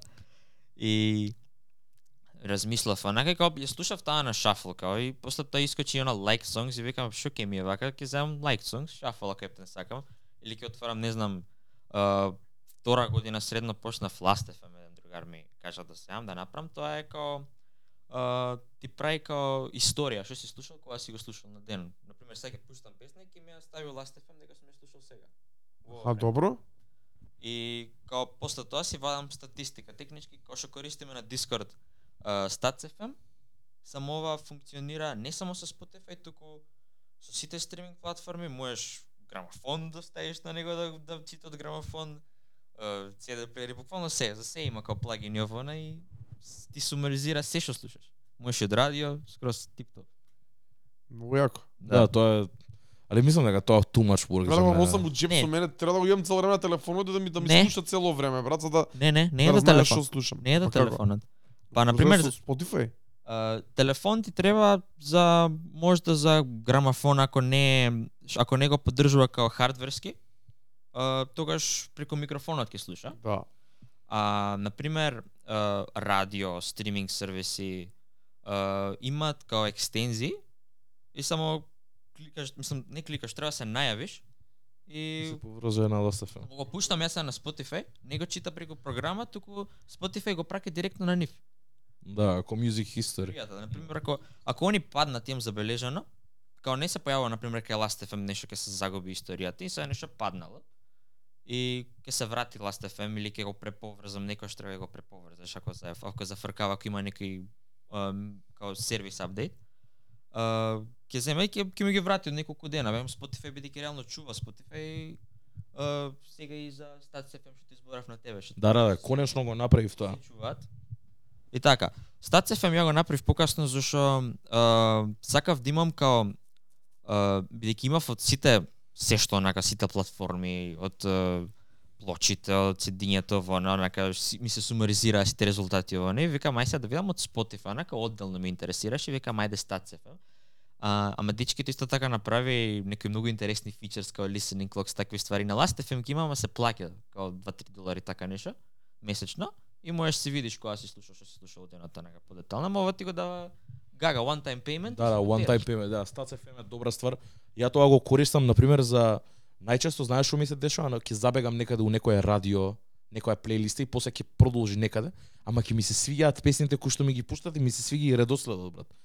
Ако идам случајно, ако го изгубам тој Q, идам некаде на друго нешто, одма брат, си идам на идам на Stats FM, отварам и ми ги дава сите брат со време и со редослед како ги имам правен. И после само си правам плейлиста врз основа на тоа. Тоа ми е единствената, мислам, гледам ја кои ми се на пример најслушани албуми, кои ми се најслушани вако. Тоа за следното да прашам брат. На пример од толку музика што слушаш различна, како од стануваш и кој е кој кој е начинот на размислување за да на пример си викаш и пуштам ова. Кај мене е на пример малце поинаку од 2 и 5 на друга, ама пак знам дека е нешто сродно со рап, на пример, ама кога слушаш, кога слушаш толку разновидна музика како ко што те тера да пуштиш електронска музика и што те тера да пуштиш хип-хоп нешто, на пример, или афро или што и да. Па зависи од муд, али као ако не знам, ако не сум одлучен, а, зимам оставам или на алгоритмот, на пример од не знам од Spotify нешто ќе пуштам, ќе видам кај до кај ќе ме однесе како нешто ново ќе искочи, некош има нешто што не, не сум го сейвнал. Така. Да, иако Spotify сега уште го подобрува тоа, нели претходно вртеност, исти ствари и да исто така збореше Става дека ту ласт. страшен, да, да, да. Да, да, да, да, да. Не ми се свија Да. како работи сега радиото на Spotify. Исто. на пример, а, и Last FM што користам исто така имаат као Play My Library. Од се што имам слушано претходно и као ќе пушти Play My Library, ќе земам ќе извадам таа песна, ја пуштам на пример Spotify, Spotify нешто ќе се зат, ќе се затера. Таа песна може да сум ја пуштал два пати, Така. или после тоа ќе се префера нешто што сосема го немам слушано. Нели ти што викаше а, да пуштиш а, нешто сосема избаци, ќе те однесе на нешто што го немаш слушано. Да, да, да. Баш тоа така работи. Да, тоа го правам и ја. да. Како? Пуштам една единствена песна и после тоа само само си прави радио од таа песна на Spotify. Ама после пет песни не те враќа пак Не. на на ласт Ако, ласт. ако, Не, не, не, ако нешто, ако да нешто што не ти е као не знам, а, некој хит или нешто што тебе ти е као ностоп го вртиш, Да. нема да те врати. Ако е некоја на пример онака секундарна Малце терцијална полого, песна. мене пак ме враќа после некој Да? ме враќа на песни што ги знам. Не мора да се најголемите хитови, ама ако више ми се зарадат две-три песни што ги знам, не е тоа тоа што ми треба, сакам нешто Да. ново да слушам онака. Spotify get your shit together, не знам што да. Spotify многу подобро мене ми функционираше кога почна да го користам 2017 бидејќи тогаш знаеш Spotify не те знае како нов корисник си. Не, Као тоа ше пробувам. друго. Епа, пробувам. Е, тоа ше друго, тоа е добро. Така, така, така влезе Лери Джунка и мене, како да ти објаснам, брат, 2020 животот ми се смени кога го дознам. Буквално. Буквално, брат, си слушам Кренси, го знам Кренси, никад не го знаев Лери Джун, ме разбираш? Имаат песни мал милион заедно, брат. Тоа мислите си так, влага. Ама тоа е, тоа многу е управо, дека тоаш не те знае алгоритмот, сега многу не знае, брат. Сега имаме, имаме три Spotify реп, онака минимум, ти декна е у нас, Мене само знаат ми точно, треба, брат. Мене само ми треба да ми даде опција да му кажам не ми пуштај музика што ја знам, пуштај музика што не ја знам. Е, сега, ја ќе ти кажам се едно нешто ново. Кога ќе направиш плейлиста, ако имаш плейлиста, имаш exclude from my taste profile. Нова опција, можеш да селектираш и на песни. Тие песни што ги што ми се досадени да ги Да ги тргнеш од taste профајлот и нема да ти сугерира Дали такви ти песни. крие? тој. Тоа го немам. Не ги крие, туку само ти ги у позадина Добро, работа. тоа е добро. Тоа е добро. Лас лас да Имаше- став таму. Лас лас става е таму 100%. Да, да, да, да, да.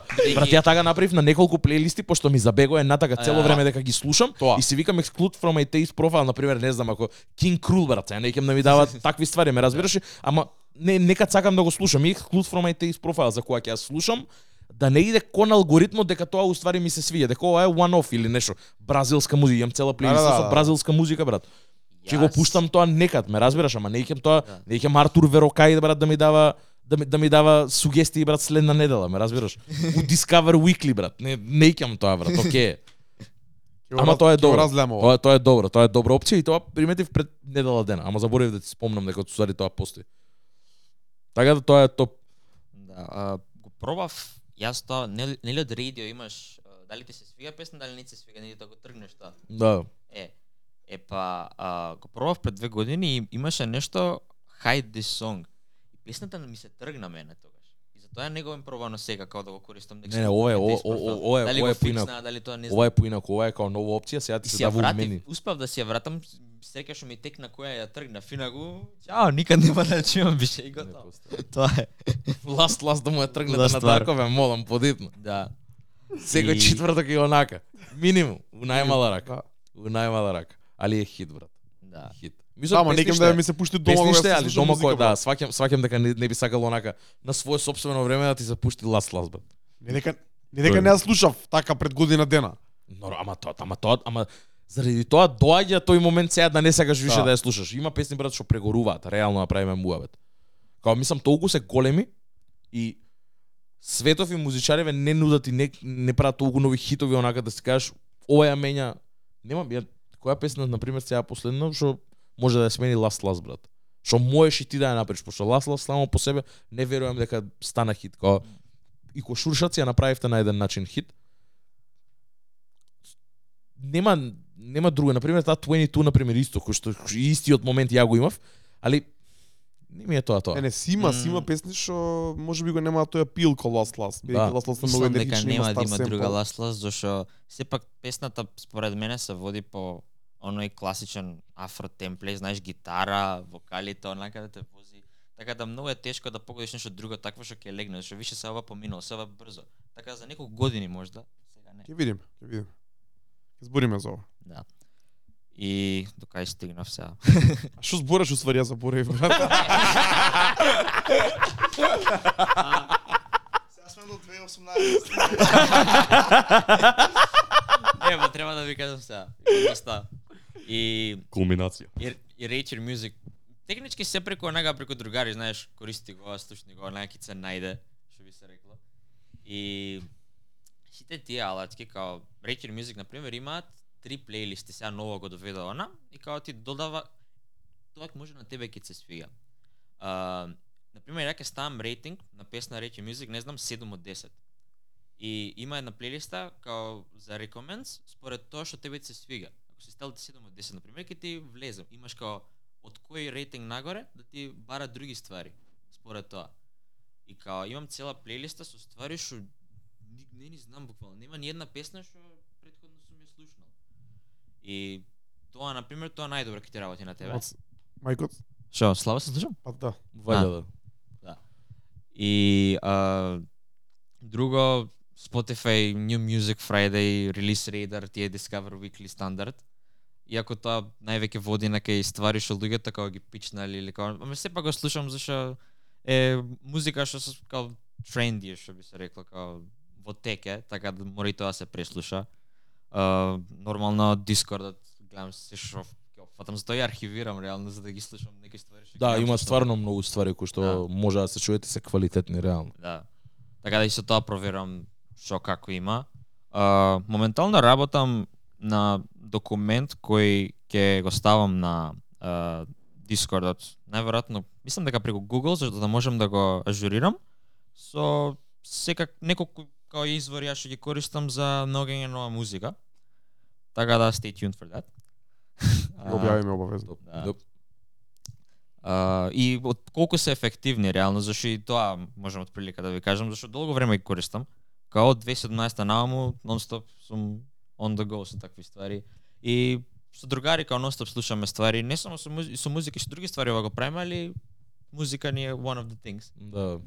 Така Да, да. тоа е тоа е добро дека зато зато затоа те оставив да, да го дозбориш пошто мислам дека од сите нас највише користиш онака сервиси кои што се сродни на музика и на на на вакво и и кога и кога нас ни пристапи тага ни пристапи заради тоа на пример и Radio Music и Last FM начинот на кој што ги утилизираше поинаков него ли ние на пример ја не ги ни користам ама на пример Stac FM видов од кој вас неколку луѓе почнаа да ставаат као на секој 4 недели. Нов месец new Spotify стаци како ги ставаат и на пример секој викам интересно е ова да видам. И ја на моменти се изненадувам од некои резултати што и како онака ке Ама знам дека не се вистински, ако заглавам на една единствена песна, на пример, ќе ми даде дека ми е најслушан албум, уствари една песна имам да му слушана, ама нема знам, разбирам дека нема како да како да го пресмета тоа, пошто песната е де факто дел од албумот. Али интересно е тоа начинот на кој што Е, ги па е утилизираш интересно, се сите тие околу, не знам, 10 на албуми. тоа тоа тоа е најлошото и мислам дека и тоа се дешава Или пак е Со еден луѓе. некако ми е чудно, као што ако се осеќаш другшија, нема да го слушаш тоа, само ќе седиш и ќе кажеш, као. ми е Не, ја имам моменти, ја имам моменти кај што на пример, мислам жанровски, жанровски брат хип-хоп е толку многу широк поим што мислам дека никогаш нема можеш да да, да прекинеш да бидеш изненадан од тоа колку е пространа, колку има мали хип-хоп е доста Да. флексибилен. покец онака каде што можеш и да се пронајдеш дури нешто што мислиш дека нема да ти се свиѓа, може да ти се свиѓа. Као има многу многу страни, многу е разгранет и многу е проширен, многу има експериментален рап кој што може и да може и не мора да не мора да значи, али можеш можеш да најдеш цело време нови води онака у хип-хоп. Мене на пример тоа ми се дешава ден денес онака колку подлабоко влагам во тој на пример еве сега што Дарко што вика трајче стил на пример се поише и поише изнаоѓам нови работи кои што не сум ни знаел дека постојат, можеби сум ги знаел артистиве кои што го прават тоа, ама никад не сум навлегол доволно длабоко. Заради тоа, ама на пример од друга страна па знам, ја знам и таа на пример, можеби нешто па пак е сродно на хип-хоп, али на пример ја поистоветувам дека R&B по класично, на пример малце ми е поинаку од тоа што го слушам традиционално од хип-хоп. Ќе навлезам, кој што кажав, имам некад сакам мозокот да си го испирам, пуштам Артур Верока и стварно бразилска музика си имаме на плейлиста ми тера брат. 4 сати врати Тоа е за денес тоа се слуша. Шаде ми е на пример друго. Ама пак се некаде тука сите, на пример и дури бразилската плейлиста која што имам е потекнува од семпл кој што го има искористено на име Doom брат. Буквално и од таму ме однесе на некој пат чуден и начинот на, на, на, на Music Discovery е интересен. Интересно е тоа што го сподели и ти твоето. Еве ќе кога ќе кога ќе кога ќе го кога ќе не го пуштиш тој документ сега го- и ќе го шернеме и да да може и на епизода, може и на може и на Дискорд за за за и луѓе чисто да го видат бидејќи верувам дека многу луѓе има вртат у, у некој одреден луп. Ја тоа имам приметено на пример со тие блендови што ги имаат направено онака се гледа дека луѓето вртат у Тоа луп се и сите слушаат истата фичерс направени за обичните слушатели на музика. Да, за тие casual што што што им одговара да слушаат онака made made play pre-made плейлисти кај што алгоритмот им знаат мање виши по Да. некоја една-две нови песни онака. Да, таман за малце тест онака чисто за за да ги задржи. Е ова е нешто ново, што е ова па да видам. Да, ние бараме нешто друго. Тоа. Заради тоа битни се на пример и такви кои exclude from atheist profile и све тоа за да не главиш во еден единствен круг. Заради тоа го прашав Бист пошто неговиот начин на music discovery е малце поинаков него ли нашиот и заради Не, па тоа. вака гледам и од други луѓе вака низ Скопје као се движат низ прилика истите песни, истите проекти што се као актуелни такви ствари. Да, да, да. Па не, тоа е, мислам дека тоа е blessing и на крс, дека музиката свети е даена на тацна сега и многу е полесно да стигнеш до неа. Да. И заради тоа мислам дека и луѓето од convenience се поише и поише ротираат околу Еден живот истата. зашто да не искушиш Па да. повеќе. Да, тоа беше за- заради тоа го велиме, мислам, не, не се прави молхец, али порано за да стигнеш до музиката беше многу по потешко на еден начин. Требаше да стигнеш, стварно требаше да стигнеш до неа, требаше да читаш, требаше да видиш која е кај е и дека музиката ти стига пак еднострана од луѓе кои што веќе имаат онака преконсивт некои мислење за неа и на пример и они си имаат жанровски ограничено и као блогов е само за хип-хоп, блогов е само за фанк музика, блогов е само за електромузика, као ф- форуми најчесто беа најпространата кај што можеш по топик да ги гледаш, ама пак беше ограничено. Ама тоа по ограничено за музика која што може да стигне до тебе, те тера се поише и поише да бараш страни кои што ги имаат поразлични релизи, така стигаш па до многу до поразлична музика.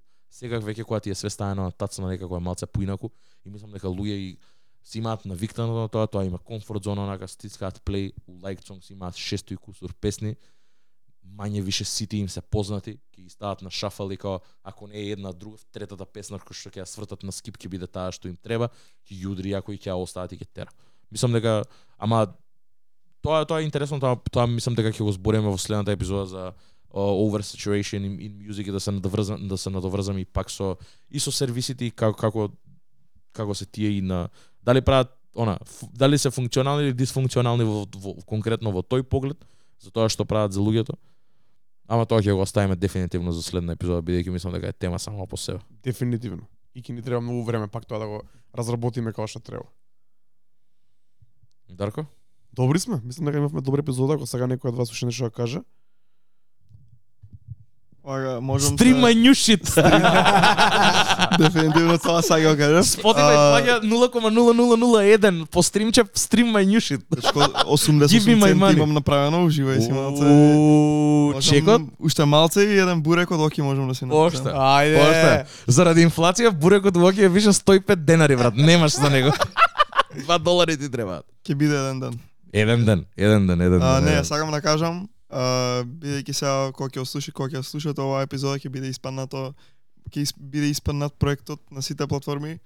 Ам, стримајте а, слободно и сакам е тука да уште еден плак само да додам. А, во следниве недели исто така и Булске вади еден албум што е многу поразличен од мојот збором сонично и многу е по би кажал така како по млада енергија има um, зборувам по многу поенергетичен е.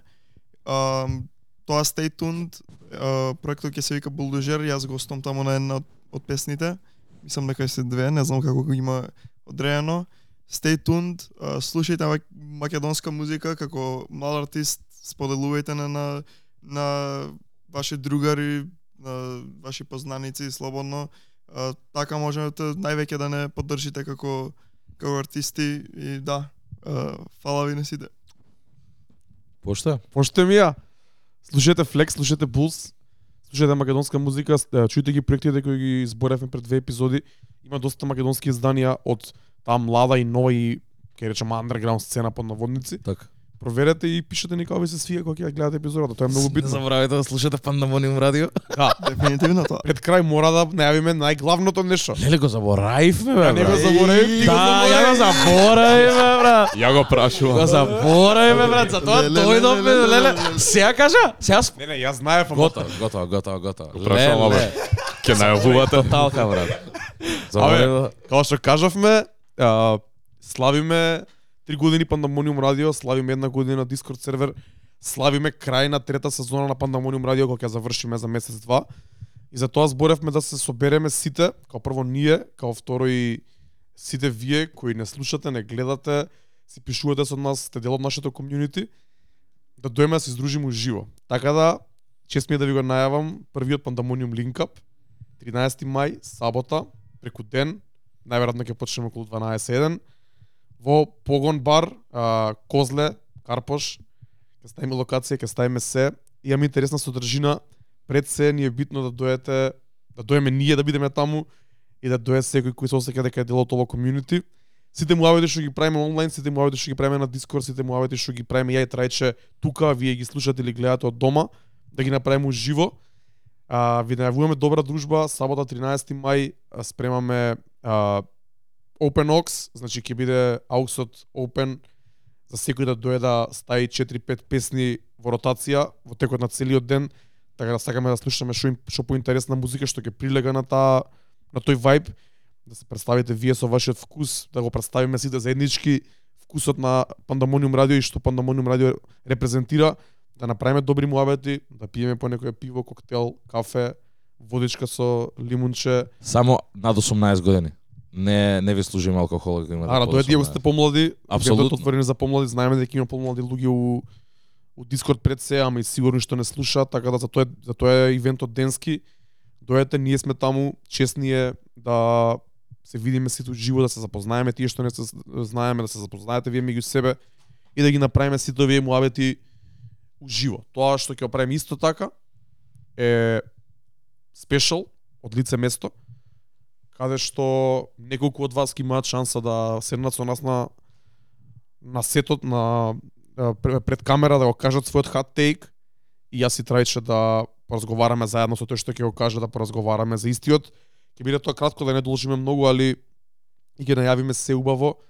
Али исто така ќе имаме и Q&A сесија, јас и Трајче слободно да прашате што сакате, успат да се пушти некој hot take и да направиме уште еден добар спешал, бидејќи оваа година ни тргна со квалитетни спешалс надвор од Pandemonium Headquarters. Апсолутно, само ја продолжуваме традицијата, тоа беше првенствено планот на на Pandemonium уште уште од самиот старт кога почнавме подкастот да го водиме, да не бидеме цело време затворени у дневната. А, имавме некои обиди лани летото, не успеавме ништо да направиме од тоа. Конечно ова е прв пат каде што искачаме аутсайд онака каде што ќе можете да не видите и ние да ве видиме вас, да излеземе надвор и да ги срушиме тие бариери преку Дискорд, да се упознаеме. Така да дојдете, say what's up, испиете по една пијачка, што е да е алкохолна или безалкохолна, зависи како се осеќате тој ден. Ќе има убава музика, ќе има убав муабет, ќе има убава дружба. И се гледаме на 13 мај. 13 мај Погон бар, Пандамониум Линкап, славиме 3 години Пандамониум, крај на трета сезона, една една година Дискорд. Мислам дека се поиша доволно поводи за да се собереме Дефинитивно. сите и да се издружиме. Дефинитивно, да. Дефинитивно. Се гледаме. Peace. Чао.